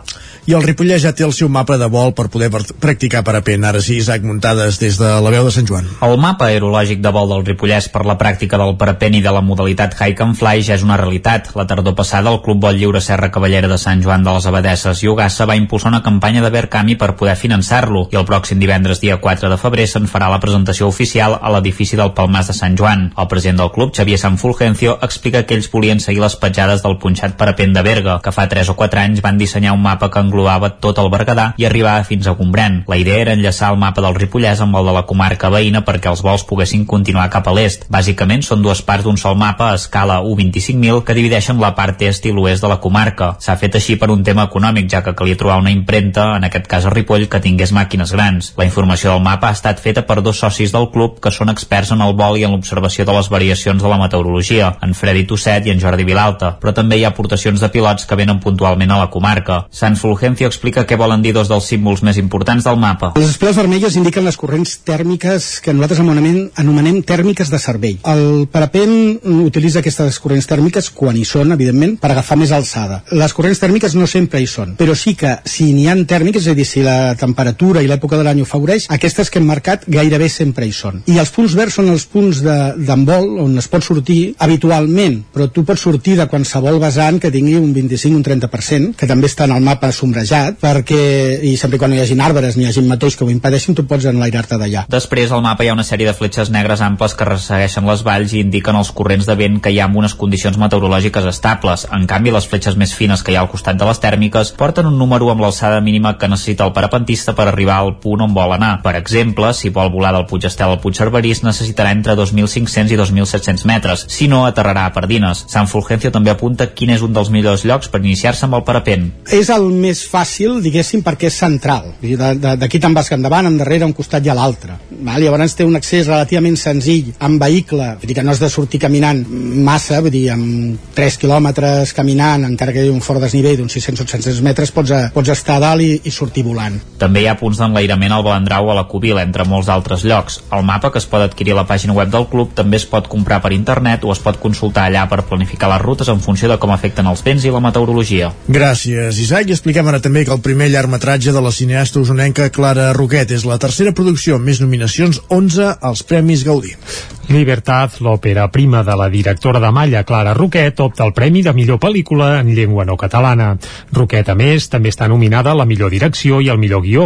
I el film també té nominacions per Maria Morera com a millor protagonista femenina, Nora Navas i Vicky Penya a millor actriu secundària, i a més també opta al Gaudí en les categories de direcció artística, muntatge, música, fotografia, maquillatge i perruqueria. Libertad és una pel·lícula sobre l'amistat entre dues adolescents, la Nora i la Libertad, que xoca amb les dificultats de la desigualtat social i els privilegis. Libertad també té sis, sis nominacions als Goya, que són els Premis de l'Acadèmia Espanyola del Cinema.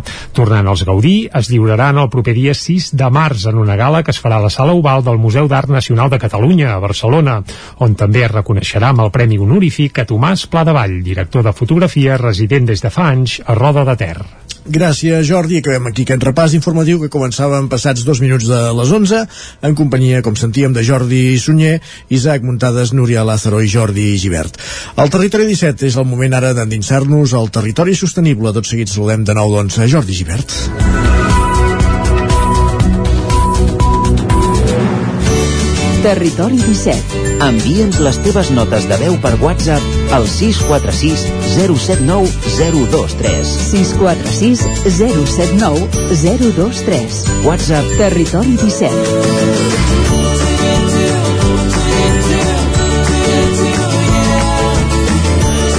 Territori 17. Som a Facebook, Twitter i Instagram amb l'usuari Territori 17.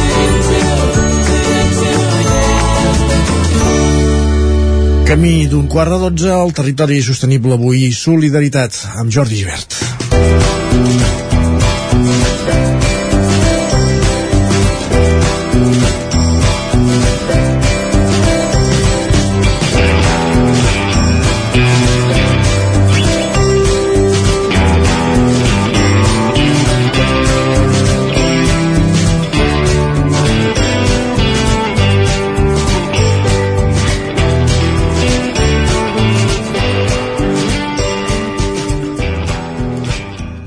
Avui al Territori Sostenible volem parlar d'un projecte solidari que va lligat al consum sostenible i a l'ecologisme. El que passa és que hem de sortir del nostre territori i de les nostres comarques i acostar-nos fins a l'Àfrica, concretament a Benin. Allà, l'entitat Moianès Solidari fa temps que treballa amb una entitat local, l'associació Sant Camil, present a diferents països africans i dedicada a l'ajuda i a la integració de malalts mentals. Des del Moianès, el projecte Font de Llum ajuda a que els centres de Sant Camil siguin autosuficients energèticament, ja que els malalts mentals pateixen una forta discriminació en aquests països i tenen poc suport. Aquest Nadal, Moianès Solidari va enviar 400 plaques fotovoltaiques reciclades a Benin. Per conèixer els detalls, avui ens acostem fins al Moianès per parlar amb en Ramon Crispiera. Ell és cooperant de l'entitat i membre de la Junta. Ja des de bon principi està engrescat en explicar-nos la seva tasca a Benin. Ara us ho explicaré, doncs, a veure, eh, mireu, són 400 plaques solars eh, reciclades, o sigui, són plaques que han tingut un ús, una vida aquí doncs, de, de 10 anys més o menys i tal, i que s'han reciclat, no? Llavors nosaltres eh, teníem un projecte de, a Benín, que era doncs, un centre de la Sant Camí, un centre de població que es diu DASA, un centre de malalts mentals, però que aquests estan lligats a problemes de, de toxicomonia, és un centre nou que s'està muntant molt gran, molt important, i eh, estàvem fent això. Ara bé, eh, la Sant Camil, a Benín, té doncs, eh, 7 o 8 centres, en té mm, 3 ja electrificats doncs, de, forma, de forma fotovoltaica, però esclar, encara en, en quedaven d'altres. Nosaltres estàvem preparant, no, com que no teníem res més, estàvem preparant aquest, aquests 200, aquests, aquests, aquests 200 plaques, sí. i a més a més aprofitàvem per fer un contenidor per enviar-hi coses que doncs, els nostres amics doncs, i amics i coneguts i alguna entitat doncs, com hem tingut col·laboracions de, de Càritas Mollà que ens donat roba hem tingut col·laboració del Xiprer de Granollers que ens ha donat eh, llegums, uh -huh. llegum seca, doncs, eh, el, Xiprer, una entitat que es diu Solidança de Sant Just d'Esvern, que ens ha, donat, ens ha donat més roba també, eh, i llavors pràcticament eh, bueno, i a part, a part de coses diverses de, alguns aparells, màquines i coses que han donat doncs, de, els nostres, nostres amics, socis i amics particulars no? eh, llavors, a veure quan nosaltres estàvem, estàvem a punt de fer aquesta, aquest enviament vam tenir notícia, o notícia o oferiment, o com ho vulguem dir, a través de- d'un proveïdor nostre que es diu Xarxa Global, que és el que ens havia, el que ens havia venut els, 20, els 200, eh, els 200 eh, Plaques. 200 plaques solars a preu de, a un preu gai- gairebé de, de, de cost, no? Dir, pràcticament de cost de, de la feina que van tenir per treure-les i per tot plegat i tal, o sigui, un cost, un cost molt reduït. I vam tenir notícia que hi havia una empresa en aquest cas és el grup alimentari eh, Noel de la Garrotxa, que està a Sant Joan les Fonts i té, i té factories en altres llocs, que és una empresa molt important i que estava fent una renovació molt gran de plaques solars, o sigui que realment eh, estaríem quasi a prop de mil, prop de mil plaques prop de mil plaques. Llavors, esclar, a través de la xarxa global tal, vam contactar amb ells i ens van dir que ens van parlar del tema i que com que ells també volien doncs, eh, per la seva responsabilitat social doncs, corporativa i tot plegat que aquestes plaques tinguessin un altre ús si pogués ser un ús doncs, eh, benèfic o solidari, vam fer el, el tema de que doncs, podíem fer-nos a càrrec aquestes plaques, nosaltres en necessitàvem 200 per, per, que, per enviar-les per completar aquest, per fer aquest enviament perquè poguessin electrificar com a mínim dos centres més de, de, de la Sant Camil i aquesta, aquest, aquest, aquesta donació va ser una donació purament gratuïta doncs, i tal, o sigui que pràcticament nosaltres vam anar allà, vam recollir les plaques hi ha més, hi ha més plaques que s'han recollit que aniran per altres projectes eh, per altres ONGs també, vull dir que això és un tema que, que, que tot just s'ha començat. Vull dir que nosaltres hem començat amb aquestes 200 però que hi haurà altra gent que se'n beneficiarà. I bé, eh, aquesta, és, aquesta és la qüestió. Vull dir que llavors aquí doncs, uns quants voluntaris hem preparat el tema uns altres hem fet preparat els papers l'exportació Val a dir, si val a dir que és la tercera vegada, la tercera vegada que ja enviem material a, a, a Benín, perquè eh, tot això ve d'un projecte que va començar el 2014 i que el 2015 es va fer el primer enviament per muntar plaques solars amb una granja agrícola de la, de la mateixa entitat de Sant Camil, que ja hi van persones amb malaltia mental que ja s'han recuperat una mica i van a por, eh, fan una espècie de, de, de formació de formació i per intentar doncs, que quan surtin d'allà doncs, puguin, puguin tenir doncs, al- al- alguns, alguns coneixements doncs, eh, i que puguin doncs, eh, intentar reintegrar-se a la societat, a la família, al lloc on estan, no? al lloc d'on partien. No? Eh, doncs el 2015 va començar, vam fer un primer enviament, el 2019 es va fer un altre enviament que anava per, també per reforçar el centre aquest i per dos centres més, i llavors això s'ha anat cobrint també amb voluntaris d'aquí que han anat a fer les instal·lacions i, en fi, com, co cooperant amb la gent d'allà, però vull dir, doncs, eh, el, el tema s'ha portat, s'ha portat des d'aquí. És, eh, és el que en diem nosaltres des del 2015, el, eh, no sé si heu vist el tema de la campanya Font de Llum. El projecte Font de Llum és una iniciativa de Moianès Solidari que ha vinculat els diferents pobles de la comarca i des d'entitats i ajuntaments han eh, aportat donacions i finançament a aquest projecte. Des del 2007 estem col·laborant amb la Sant Camil de, que ens està fent una tasca molt, molt bona doncs, ja fa més de 30 anys eh, rescatant persones de, que estaven doncs, o marginades a casa seva lligades de, en, tractades doncs, eh, de forma inhumana no?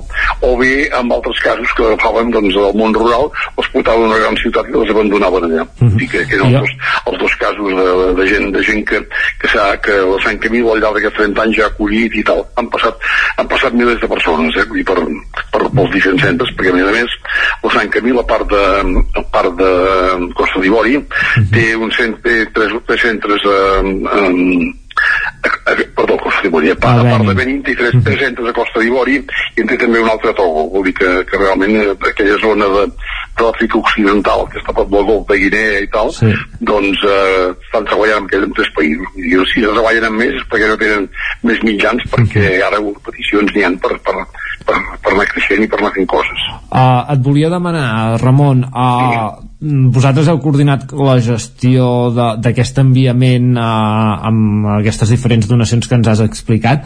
Què, què us costa això?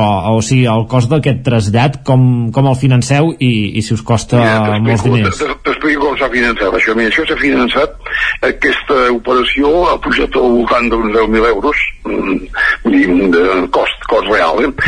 Una part, una part, una part l'ha finançada la, de, de, de França, la, de l'Ordre dels Camilians de França, que són també amics i parents de, la- de la Sant Camil, vull dir que Sant Camil mm, està relacionat amb la agafar el nom aquest perquè tenien també una relació, una inspiració amb els camilians. Eh, ells han fet una, una, una, part i l'altra part eh, l'altra part ha sigut amb, amb deportacions pels ajuntaments de Castellcí i de Calders. Val, vale, vale.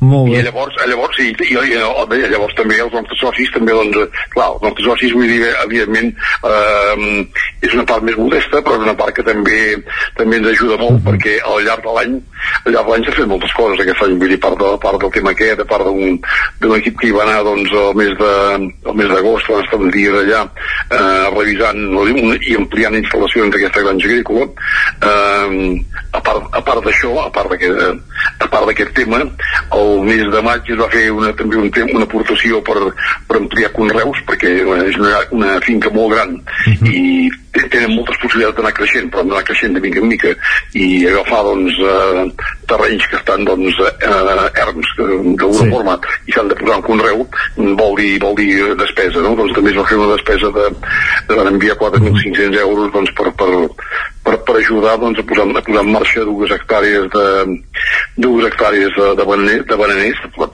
pel tenir allà, pel tenir allà que és un, una de les coses que, que, que funciona més allà, que a més a més vull dir, part del, a part del consum dels centres en poden vendre que ara vull dir que tenen, tenen una mica, una mica tenen excedent i, i doncs eh, bé, anem, anem, anem fent coses, anem fent cosetes Ah, dintre, volia- de, que, de que estem en una comarca petita i això, el que passa que, el que, passa que doncs, com dèiem, nosaltres hem coordinat això perquè a part de la gent estrictament de Moianès Solidari a, Cat a Catalunya, bueno, de l'entorn aquí, una mica més ampli sí. del Moianès i del Bages i tal, eh, hi ha una bona colla d'amics també que, ens- que ens ajuden i col·laboren. Uh, et volia demanar també sobre les plaques en si. Uh, són plaques reciclades que, que, que tenen un, això, uns 10 anys de vida eh, ja. plaques- quan, quan més poden eh, durar? O sigui, a, a, a l'Àfrica quan us poden arribar a tenir A encara? veure, no sé, que en principi es parla que aquestes plaques són aproximadament uns 10 anys de vida actualment i que, i que aquestes plaques poden tenir de 25 a 30 anys de vida global, vol dir que, vol dir que n'hi ha doncs,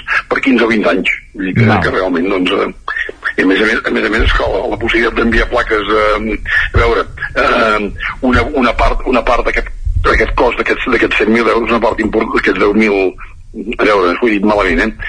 Són 7 i 5, 12, 12.000 euros. 12 Sí. euros. Una part d'aquests 12.000 euros, que és una part molt important, ha sigut el transport. Sí, sí. Perquè el transport també, també s'ha, s'ha, el transport internacional amb tot el tema de preus i, de, i, de, i del problema, dels problemes que hi ha actualment s'han s'ha encarit bastant. El que passa que poder fer un contenidor gran i poder enviar mm, tal, o sigui, d'haver enviat 200 plaques, enviar-ne 400, gairebé eh, la diferència de preu ha sigut mínima. Val. El que passa que ja, ja, ja, ja, ja era molt més car doncs, enviar-ne 200 ara que, que, fa, que fa 3 o 4 anys. Doncs Ramon, moltes gràcies per atendre'ns i presentar-nos eh, aquest projecte de Moianès Solidari, la Fundació Sant Camil. Uh, nosaltres tornarem la setmana que ve amb més històries al territori sostenible. Us deixem amb els companys que seguiran comentant i explicant l'actualitat dels nostres pobles i comarques.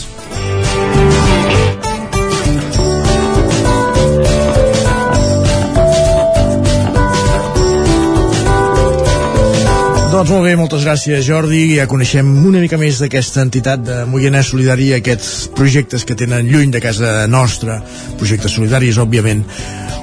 45 segons perquè fem una pausa, seran 3 minuts i tornarem amb la resta de continguts del dia d'avui dimecres 26 de gener de 2022. Passarem per l'R3 com cada dia amb el recorregut que ens fa l'Isaac Muntades i després repassarem l'agenda d'actes culturals pels propers dies a les nostres comarques, a, a casa nostra, al nostre territori 17, en connexió amb la roda de connexions que fem cada dimecres per les diferents emissores, per les redaccions de les diferents emissores del territori 17. Com dèiem ara, una petita pausa i tornem d'aquí 3 minuts amb la resta de continguts del dia aquí al territori 17. Fins ara, no marxeu.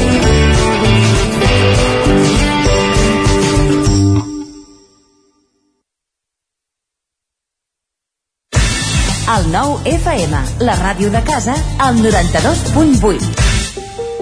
A Catalunya volem un servei sanitari més fort. Per això fem una inversió en sanitat pública de 5.000 milions d'euros addicionals els propers 5 anys. És l'hora que entre tothom fem la Catalunya que volem. Fem-ho bé, fem-ho tot, fem-ho possible. Generalitat de Catalunya. Mmm, quan fa que no menges pluma ibèrica de Salamanca i xuletilles de lechal a la brasa amb una bona amanida? Oh, ¿y un chuletón de vedella gallega? ¿O lechazo de Castilla al forn? Ah, i botillo del Bierzo amb cachelos i col? Ei, i cochinillo a l'estil de Segovia, i tot acompanyat d'un bon celler. Oh, i uns bons serranitos de pollastre, de llom, d'hamburguesa, del que tu vulguis. Per menjar la millor cuina de Lleó sense moure't de casa, vine a El Racó de León. Fem cuina tradicional lleonesa i de mercat. Vine amb la família, amb els amics, amb la parella o sol. T'encantarà. El racó de León. Som al carrer Torelló 35 de Vic. Reserves 93 889 1950. Tanquem els dimarts. El racó de León. Vine a tastar una cuina diferent. Cobertes serveis funeraris. Els nostres tanatoris estan ubicats en els nuclis urbans més poblats de la comarca d'Osona per oferir un millor servei. Tanatori de Vic, Tanatori de Manlleu, Tanatori de Centelles i Tanatori de Roda de Ter. Sabem que són moments difícils i per això el nostre compromís és atendre-us en tot moment amb un tracte humà, sensible i respectuós. Cobertes serveis funeraris. Telèfon 24 hores 93 883 23 46. A la rostisseria El Plat ens agrada la cuina de sempre, la de les àvies i de les mares, la cuina feta amb paciència com s'ha fet tota la vida. Vine a provar els nostres canelons gruixuts o els croquetons, les nostres croquetes de 80 grams, i recupera el gust del pollastre a com els que es menjaven abans. Ah, i aprofita, fins a finals de febrer, 20% de descompte en els canelons i el pollastre. Rostisseria El Plat, encàrrecs fins a les 12 del migdia i servei a domicili. Ens trobaràs de dijous a diumenge al carrer Església número 6 de Taradell o al 93 135 58 85. El nou FM, la ràdio de casa, al 92.8. Cocodril Club. Si t'agrada la bona música dels anys 60, 70 i 80, escolta el 9 FM als matins de dissabtes i diumenges d'11 a 1. És el temps del Cocodril Club, tot un clàssic de la ràdio, amb les bases del pop-rock, les llegendes, les cançons que s'han convertit en autèntics himnes. Recorda, dissabtes i diumenges al matí, d'11 a 1, al 9 FM 92.8. Cocodril Club, el programa revival de l'Albert Malla. Hasta luego, cocodrilo don't know if I'm. I don't know if I'm. I don't know if I'm. I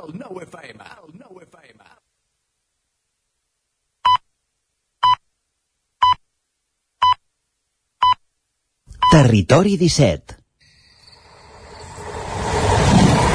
A Tren d'Alba, cada dia els usuaris de la línia R3 de Rodalies que veuen sortir el sol des d'un vagó ens expliquen les gràcies i les penes del primer comboi que uneix Ripoll i Barcelona. Benvinguts a Tren d'Alba. Avui tornem a tenir un repàs de l'activitat del col·lectiu perquè no ens fotin el tren de totes les coses que van fer durant l'any passat. Sense més demora, podem escoltar la Glòria Francolí perquè ens ho expliqui. Hola, molt bon dia. Aquí la Glòria des de Torelló. Segueixo amb la sèrie de cròniques de repàs de l'activitat del grup perquè no ens fotin el tren d'aquest any 2021. Avui repassarem el que vam fer entre juliol i octubre, una mica més de temps, normalment sempre fem 3 mesos, però en aquest cas en farem 4 doncs és un tema de guió.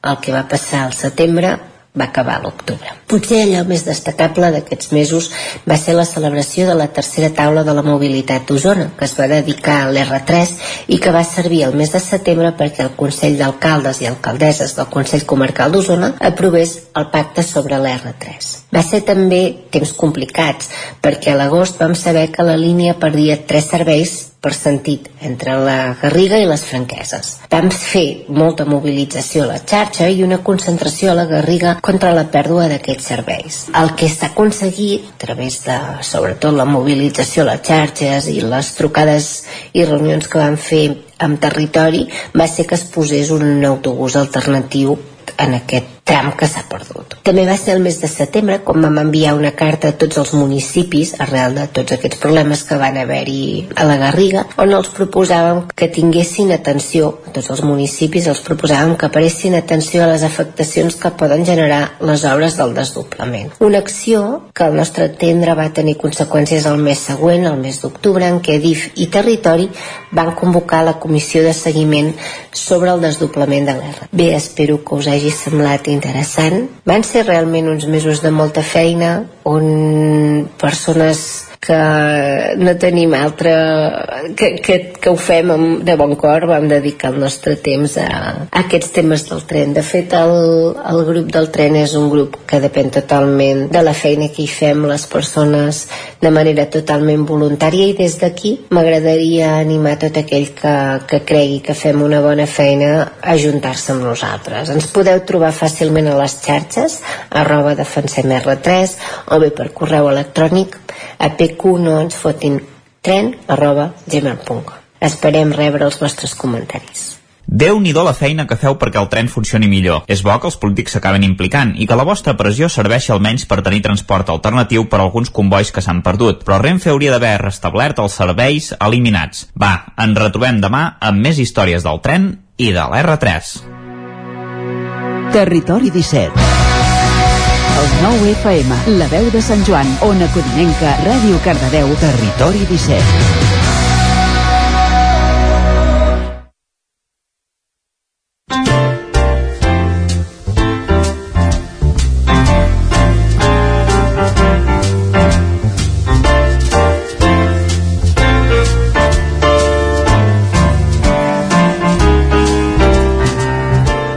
Dos quarts, tres minuts i mig que passen de dos quarts de dotze i a la recta final del territori 17, com cada dimecres, comencem aquesta roda per les agendes culturals de les nostres comarques i una roda, una agenda que la comencem com cada setmana a Ràdio Televisió Cardedeu amb l'Òscar Muñoz per conèixer l'activitat a l'entorn de Granollers, Cardedeu, Llinàs. Òscar, bon dia. Doncs comencem el repàs cultural aquí a Cardedeu dissabte a les dos quarts de vuit tenim les tastautores Uh, tenim a la Paula Grande, a la Magalí Saré i a la Jassamí Boada, s'uneixen veus, instruments i melodies en un concert especial que busca crear doncs, una atmosfera única a través de les composicions pròpies de cadascuna. Aquest concert dins del tastautors d'aquest 18è cicle de música nostra de Cardedeu abans de tot d'aquest concert hi haurà en Pau Roget fent un tastet del seu nou projecte aquest espectacle té un cost de 10 euros i es poden comprar les entrades a la pàgina web del Teatre Auditori de Cardedeu. Si no, ara ens anem cap a Llinars del Vallès, canviem de població, diumenge a les 6 de la tarda, on tenim la història d'un senglar, aquesta obra de teatre que estarà protagonitzada per en Joan Carreras i això, el text i la direcció s'encarreguen Graviel Calderón. Ens explicaran doncs, la història d'un actor que s'enfronta al repte interpretar Ricard III, el monarcat despietat de la tragèdia de William Shakespeare. Aquesta obra la podem trobar, doncs, com hem comentat, al Teatre Auditori de Llinars. A les entrades encara hi són, tenim des de 15 euros anticipada o 17 euros a taquilla. I acabem a Granollers amb, amb dos espectacles. El primer és de circ, divendres a les 8 de la tarda, anomenat The End is Night. Nou persones a l'escenari provinents de 8 països per explicar-nos la fi del món. És un espectacle basat en un apocalipsi eh, del món que coneixem a la societat de l'ésser humà. I The End is Night, o sigui, la fi és a prop, traduït en català, és un espectacle que planteja doncs, una atmosfera alhora amenaçadora i absurda on tot és possible. Podem trobar les entrades des de 8 euros a les taquilles del Teatre Auditori de Granollers. I per acabar també al Teatre Auditori de Granollers, dissabte a les 8 tenim L'Oncle Vània, una obra de teatre on ens expliquen la seva tranquil·la existència eh, d'ell i de la seva nebota Sònia, que es veu alterada per l'arribada d'un professor i de la seva jove i atractiva esposa. En la interpretació d'aquesta obra podem trobar el Julio Manrique, a la Raquel Ferrí, l'Ivan Benet, la Júlia Trujol, en Lluís Marco, la Carme Sansa, l'Anna Güell i el Caspar Binderman. Tots tot aquests personatges seran sobre l'escenari dissabte a les 8 del vespre a Granollers. Podem trobar les entrades des de taquilla a la pàgina web del Teatre Auditori de Granollers i fins aquí aquest repàs cultural d'aquest cap de setmana. Perfecte, Òscar, moltíssimes gràcies. Hem conegut aquestes propostes a l'entorn, com dèiem, de Granollers, Cardedeu, Llinàs. Anem cap a l'altra banda del Vallès Oriental, cap a Caldes, Sant Feliu, Moianès. Jordi Givert, bon dia. Doncs bon dia. Com tenim el cap de setmana? Més activitat? Sí, hi ha força activitat, sobretot a Sant Feliu de Codines uh -huh. i també a Caldes de Montbui.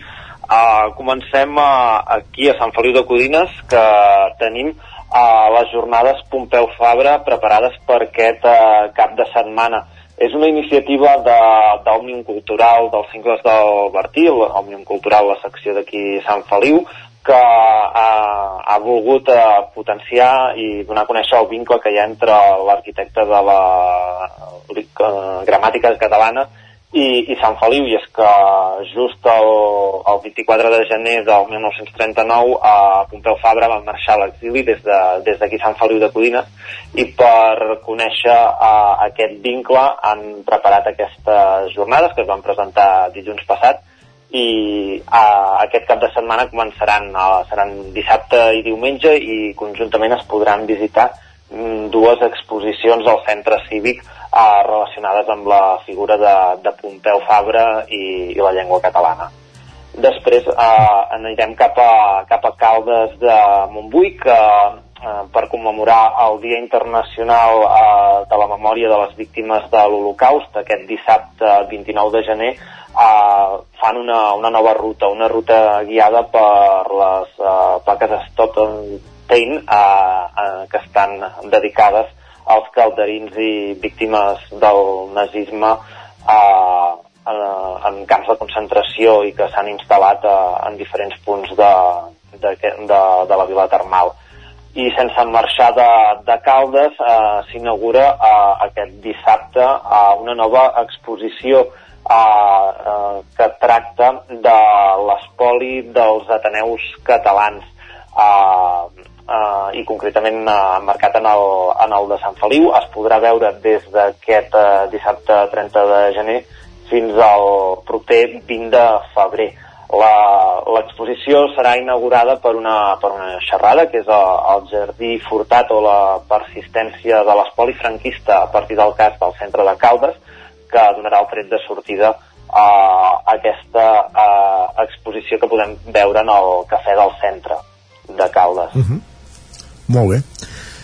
Més activitats? Doncs, oh. doncs això, seria, això seria tot aquest, uh, aquest cap de setmana aquí a la nostra zona. Perfecte, gràcies Jordi. I un vincle entre la zona, com dèiem, del Moianès, Calde, Sant Feliu, amb el Ripollès i amb altres, molts altres punts de Catalunya són aquestes jornades de l'Holocaust. Uh, i parlem tots aquí també amb, amb l'Isaac Muntades. Bon dia, Isaac. Bon dia, Isaac doncs uh, sí, uh, de fet comencem per un acte que es farà doncs, com cada 27 de gener, com ens comentava en Jordi Givert, uh, la UNESCO ja sabeu que rendeix tribut a les memòries de les víctimes uh, de l'Holocaust i aquest dia doncs, es commemora la alliberació de l'any 1945 del camp de concentració d'extermini nazi d'Auschwitz-Birkenau i hi haurà activitats. A Ripoll a les 6 de la tarda es farà l'encesa de la flama commemorativa a la terrassa del Museu Etnogràfic i a més a més doncs, ja en temps de pandèmia i també per fer-ne més difusió doncs, el canal de YouTube del museu s'hi penjarà el manifest comú facilitat per l'associació amical de Mauthausen i també hi haurà una xerrada de Marcel Biosca que és historiador i antic guia al Museu i Memorial del Camp de Concentració de Sachsenhausen a Alemanya. I, i bé, doncs aquest any, doncs un any més, aquest acte organitzat per l'Ajuntament, el Museu Etnogràfic i la Comissió de la Memòria històrica de Ripoll que, que, hi, torna, que hi torna a ser-hi i, i que podrem seguir, doncs, com us deia, per, per YouTube, a la gent que no s'hi pugui acostar uh, en persona. Perfecte. Això. Exacte. Això seria a, a Ripoll. Eh, parlem de teatre perquè el SAT Teatre Centre de Sant Joan de les Abadeses doncs, eh, també eh, tindrà activitat aquest cap de setmana. S'hi representarà l'obra La Onada, Dona Ramos, i encara hi ha força entrades disponibles a Code Tickets o les taquilles una hora abans de la, de la representació també es podrà comprar uh, bàsicament uh, ens diuen que és una, una onada que és imparable i que narra la història d'un experiment social que s'escapa de les mans i que explora la facilitat amb què el feixisme pot explotar. De fet, és com la pel·lícula de, de la onada, que bàsicament va d'això, no? d'un professor que un bon dia doncs, uh, arriba a l'aula i fa un experiment social amb els seus alumnes en què els hi demana doncs, que converteixin tot allò que es fa a l'aula en una dictadura no? i es, es vesteixen igual, van per al carrer eh, doncs, penjant tríptics sobre el seu moviment fan una salutació també entre ells i al final s'acaba escapant de les mans i, i no vull explicar gaire res més per si algú ha vist aquesta pel·lícula però, però bé, acaba d'una manera una mica tràgica. Uh, bàsicament això seria una mica l'obra de teatre de, de, del SAT no sé, no sé com anirà eh, l'obra de teatre si s'assimila molt o no, però entenc que, que s'assimilarà bastant a, a la pel·lícula. Uh, Després, dues activitats més. Uh, aquest dissabte a les 6 de la tarda s'inaugurarà l'espai cultural uh, de Cal Marquès de Camprodon l'exposició d'Antoni Campanyà l'endemà de la retirada per Bou 1939, a càrrec del professor de la UAP, uh, Arnau González. Ja veieu que hi ha forces coses últimament de de, abans hem parlat de, de l'Holocaust, ara també de la Guerra Civil Espanyola, no? d'aquella època tan tortuosa.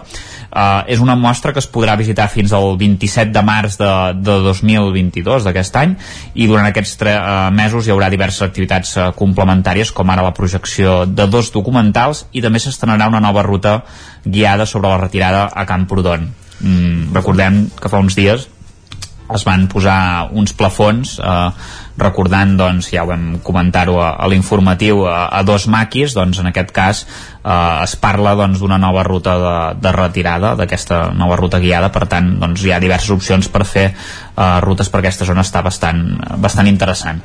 Eh, i res, per acabar, eh, Ribes de Freser, eh, Manel Lucas, que alguns el coneixereu com l'actor del Polònia que imita Franco, bàsicament. Eh, per exemple, ha sortit en, entre moltes per exemple, coses. Eh, entre moltes altres coses, eh, però segur que alguns el, el, el tenim a l'imaginari això, presentarà aquest dissabte a les 7 del vespre al Teatre Municipal eh, Les ànimes d'Esquerra, que és un acte organitzat per la, secció d'Esquerra de la Població i és un llibre doncs, que parla una mica de, de, del partit, per tant eh, eh, veurem què, què explica, però segurament també tindrà el seu toc d'humor i, i, serà, i serà divertit i interessant.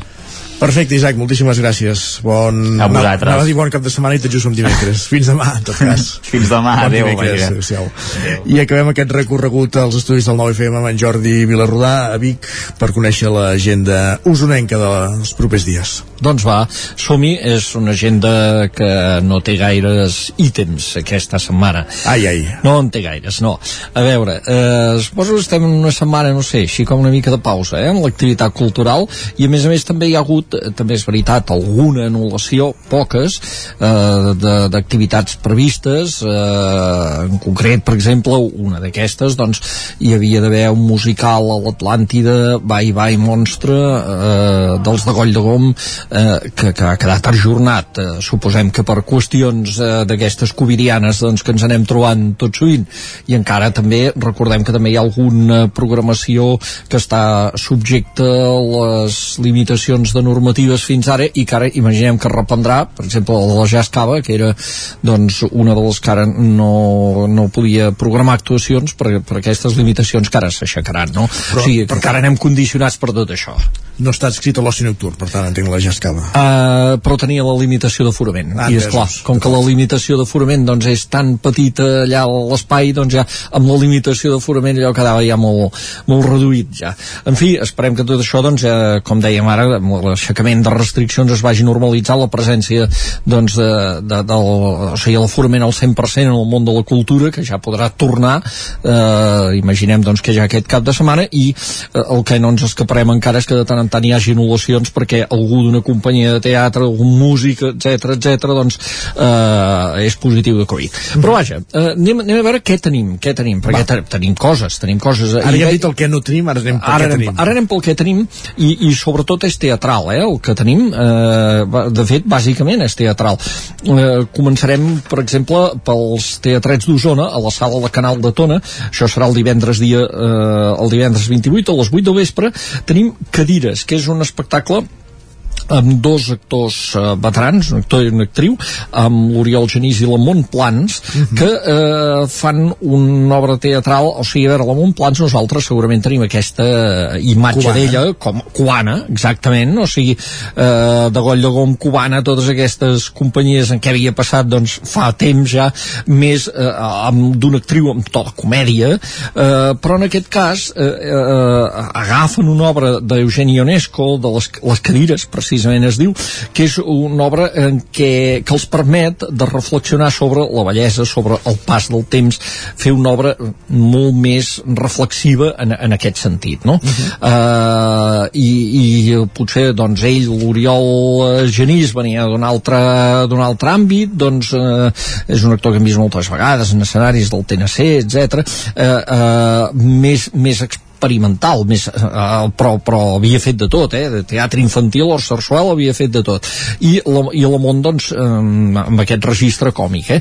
i ell, de fet va ser ella la que va eh, va idear aquest espectacle que de fet fa molt poc que s'ha estrenat a Barcelona per tant doncs, eh, tindrem gairebé una primícia en què, en què és això en què mm, reflexionen sobre la, la, la bellesa eh, i el pas del temps. Eh, cadires amb la Montplans i l'Oriol Genís el divendres a les 8 de vespre a la sala de la Canal. I ara anem cap a diumenge perquè diumenge tindrem un overbooking de teatral. Ah, això està bé, va, Eh, overbooking. bueno, de, de fet, a veure, comencem per dissabte i de fet diumenge tindrem una coincidència d'espectacles però eh, el, el dissabte ens anem al Teatre Sirviano sí. que tindrem també dos actors prou coneguts que són en David Verdaguer i la Mar Ulldemolins en aquest cas amb un to diferent que aquesta sí que és una comèdia una comèdia que es diu Començar. Eh, Començar és una proposta doncs una comèdia d'un dramaturg britànic de David Eldridge eh, que, que s'ha adaptat al català. Se situa l'escena doncs amb, un, amb una eh, casa d'una persona de, de, de la Laura que és la Mar de Molins eh, ha, fet una festa per estrenar un pis. S'ha acabat la festa i queda un últim convidat que és en Dani, que és en David Verdaguer. Tots dos són més o menys semblants tenen doncs prop dels 40 anys eh, estan sols eh, què pot passar? què pot passar? no ho sé mm, per això es diu començar què està a punt de començar? doncs a veure, qui vulgui saber què està a punt de començar entre ells haurà d'anar a veure aquest espectacle doncs, el dissabte a les 8 de vespre al Teatre Sirvianum de Torelló i ara anem per aquesta petita, aquest petit overbooking teatral del diumenge perquè, per exemple, diumenge sense marxar del Sirvianum tornem a tenir un espectacle el diumenge a les 6 de la tarda en aquest cas és per públic familiar però molt interessant, es diu Mira Miró que és un espectacle de la companyia Val eh, dirigit per, dirigida per la, Car la Catalina Carrasco i es basa en la pintura de Miró és a dir, eh, com si portéssim a l'escena doncs aquesta, l'obra gràfica de Miró, els seus colors vius aquestes formes geomètriques d'en Miró eh, cap a, cap a l'escena. Eh, les pintures de Miró adquireixen vida, per dir-ho així i, i, i,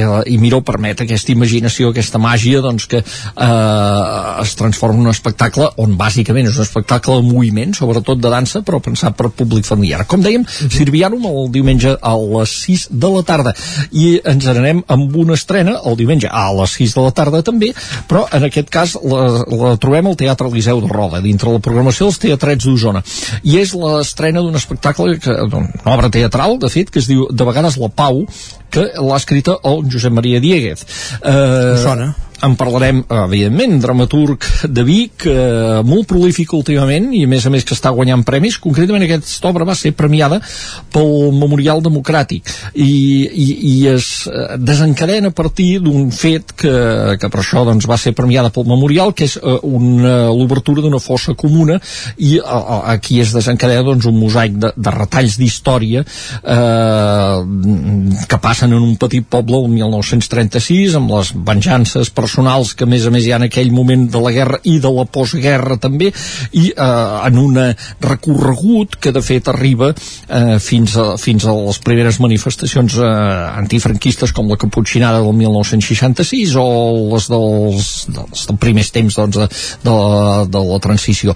Eh, tot un exercici teatral de memòria de memòria històrica que interpreta la companyia Cosmogonia i que si voleu saber més detalls els explicarà de fet el propi autor avui que serà a la Tremolla del Nou TV però en tot cas apuntem-nos la cita diumenge a les 6 de la tarda al, can... ah, perdó, al Teatre Eliseu de Roda I, i el diumenge també dintre d'aquesta acumulació de coses que hi ha el diumenge obre la temporada l'Auditori Teatre de Call d'Atenes també som a la mateixa hora eh?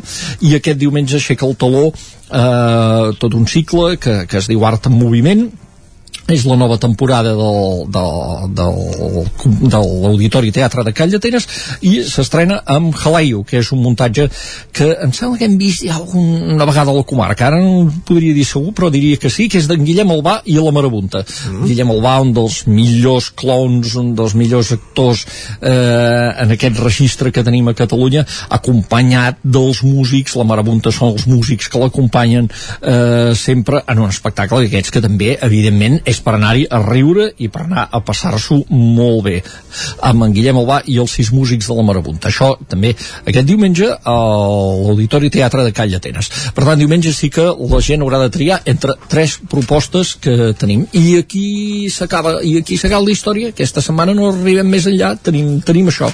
Perfecte, doncs queda tot dit i anotat. Moltíssimes gràcies, Jordi, una Molt bé. per ser uh, nosaltres al, al, aquí al Territori 17 i repassant aquesta Moltes gràcies. Tornem la setmana que ve. I acabem amb música perquè ja ens ho avançava l'Òscar Muñoz des de Ràdio Televisió a Cardedeu que una de les actuacions del cap de setmana a Cardedeu dissabte dins el cicle Cantastautores és la de Paula Grande, per exemple l'escoltem acompanyada d'Anna Ferrer i cantant aquesta Catarineta Hi havia una nineta que em va vestida blanc, que em va vestida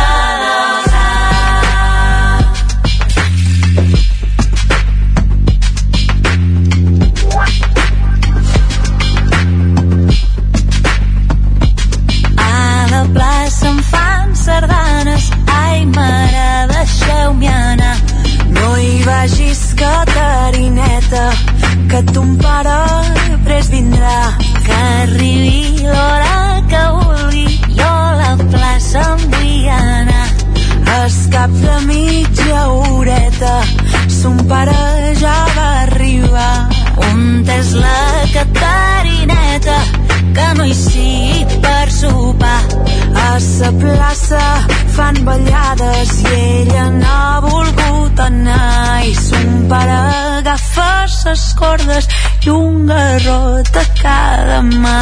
La primera garrotada un braç li va fer saltar. Sa segona garrotada mig morta la va deixar i sa tercera garrotada ben morta la va deixar. Ai, mares que teniu filles, ai, mares que teniu filles, no les deixeu festejar, no les deixeu festejar. La pobra Catarineta, la pobra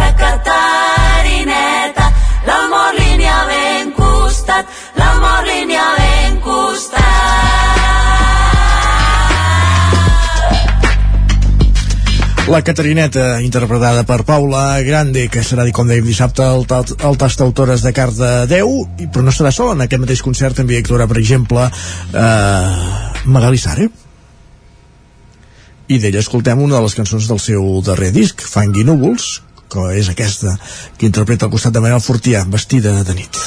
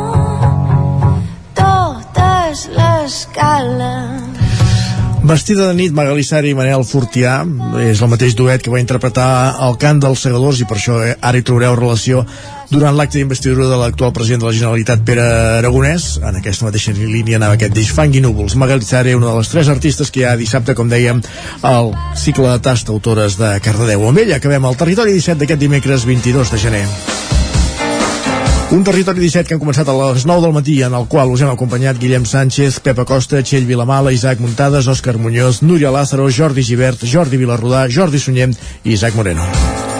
I tornarem demà a la mateixa hora, a partir de les 9 del matí, a la vostra emissora. Que vagi molt bé. Bon dimecres. Territori 17, un magazín del nou FM. La veu de Sant Joan, Ona Codinenca i Ràdio Cardedeu amb el suport de la xarxa. El nou FM.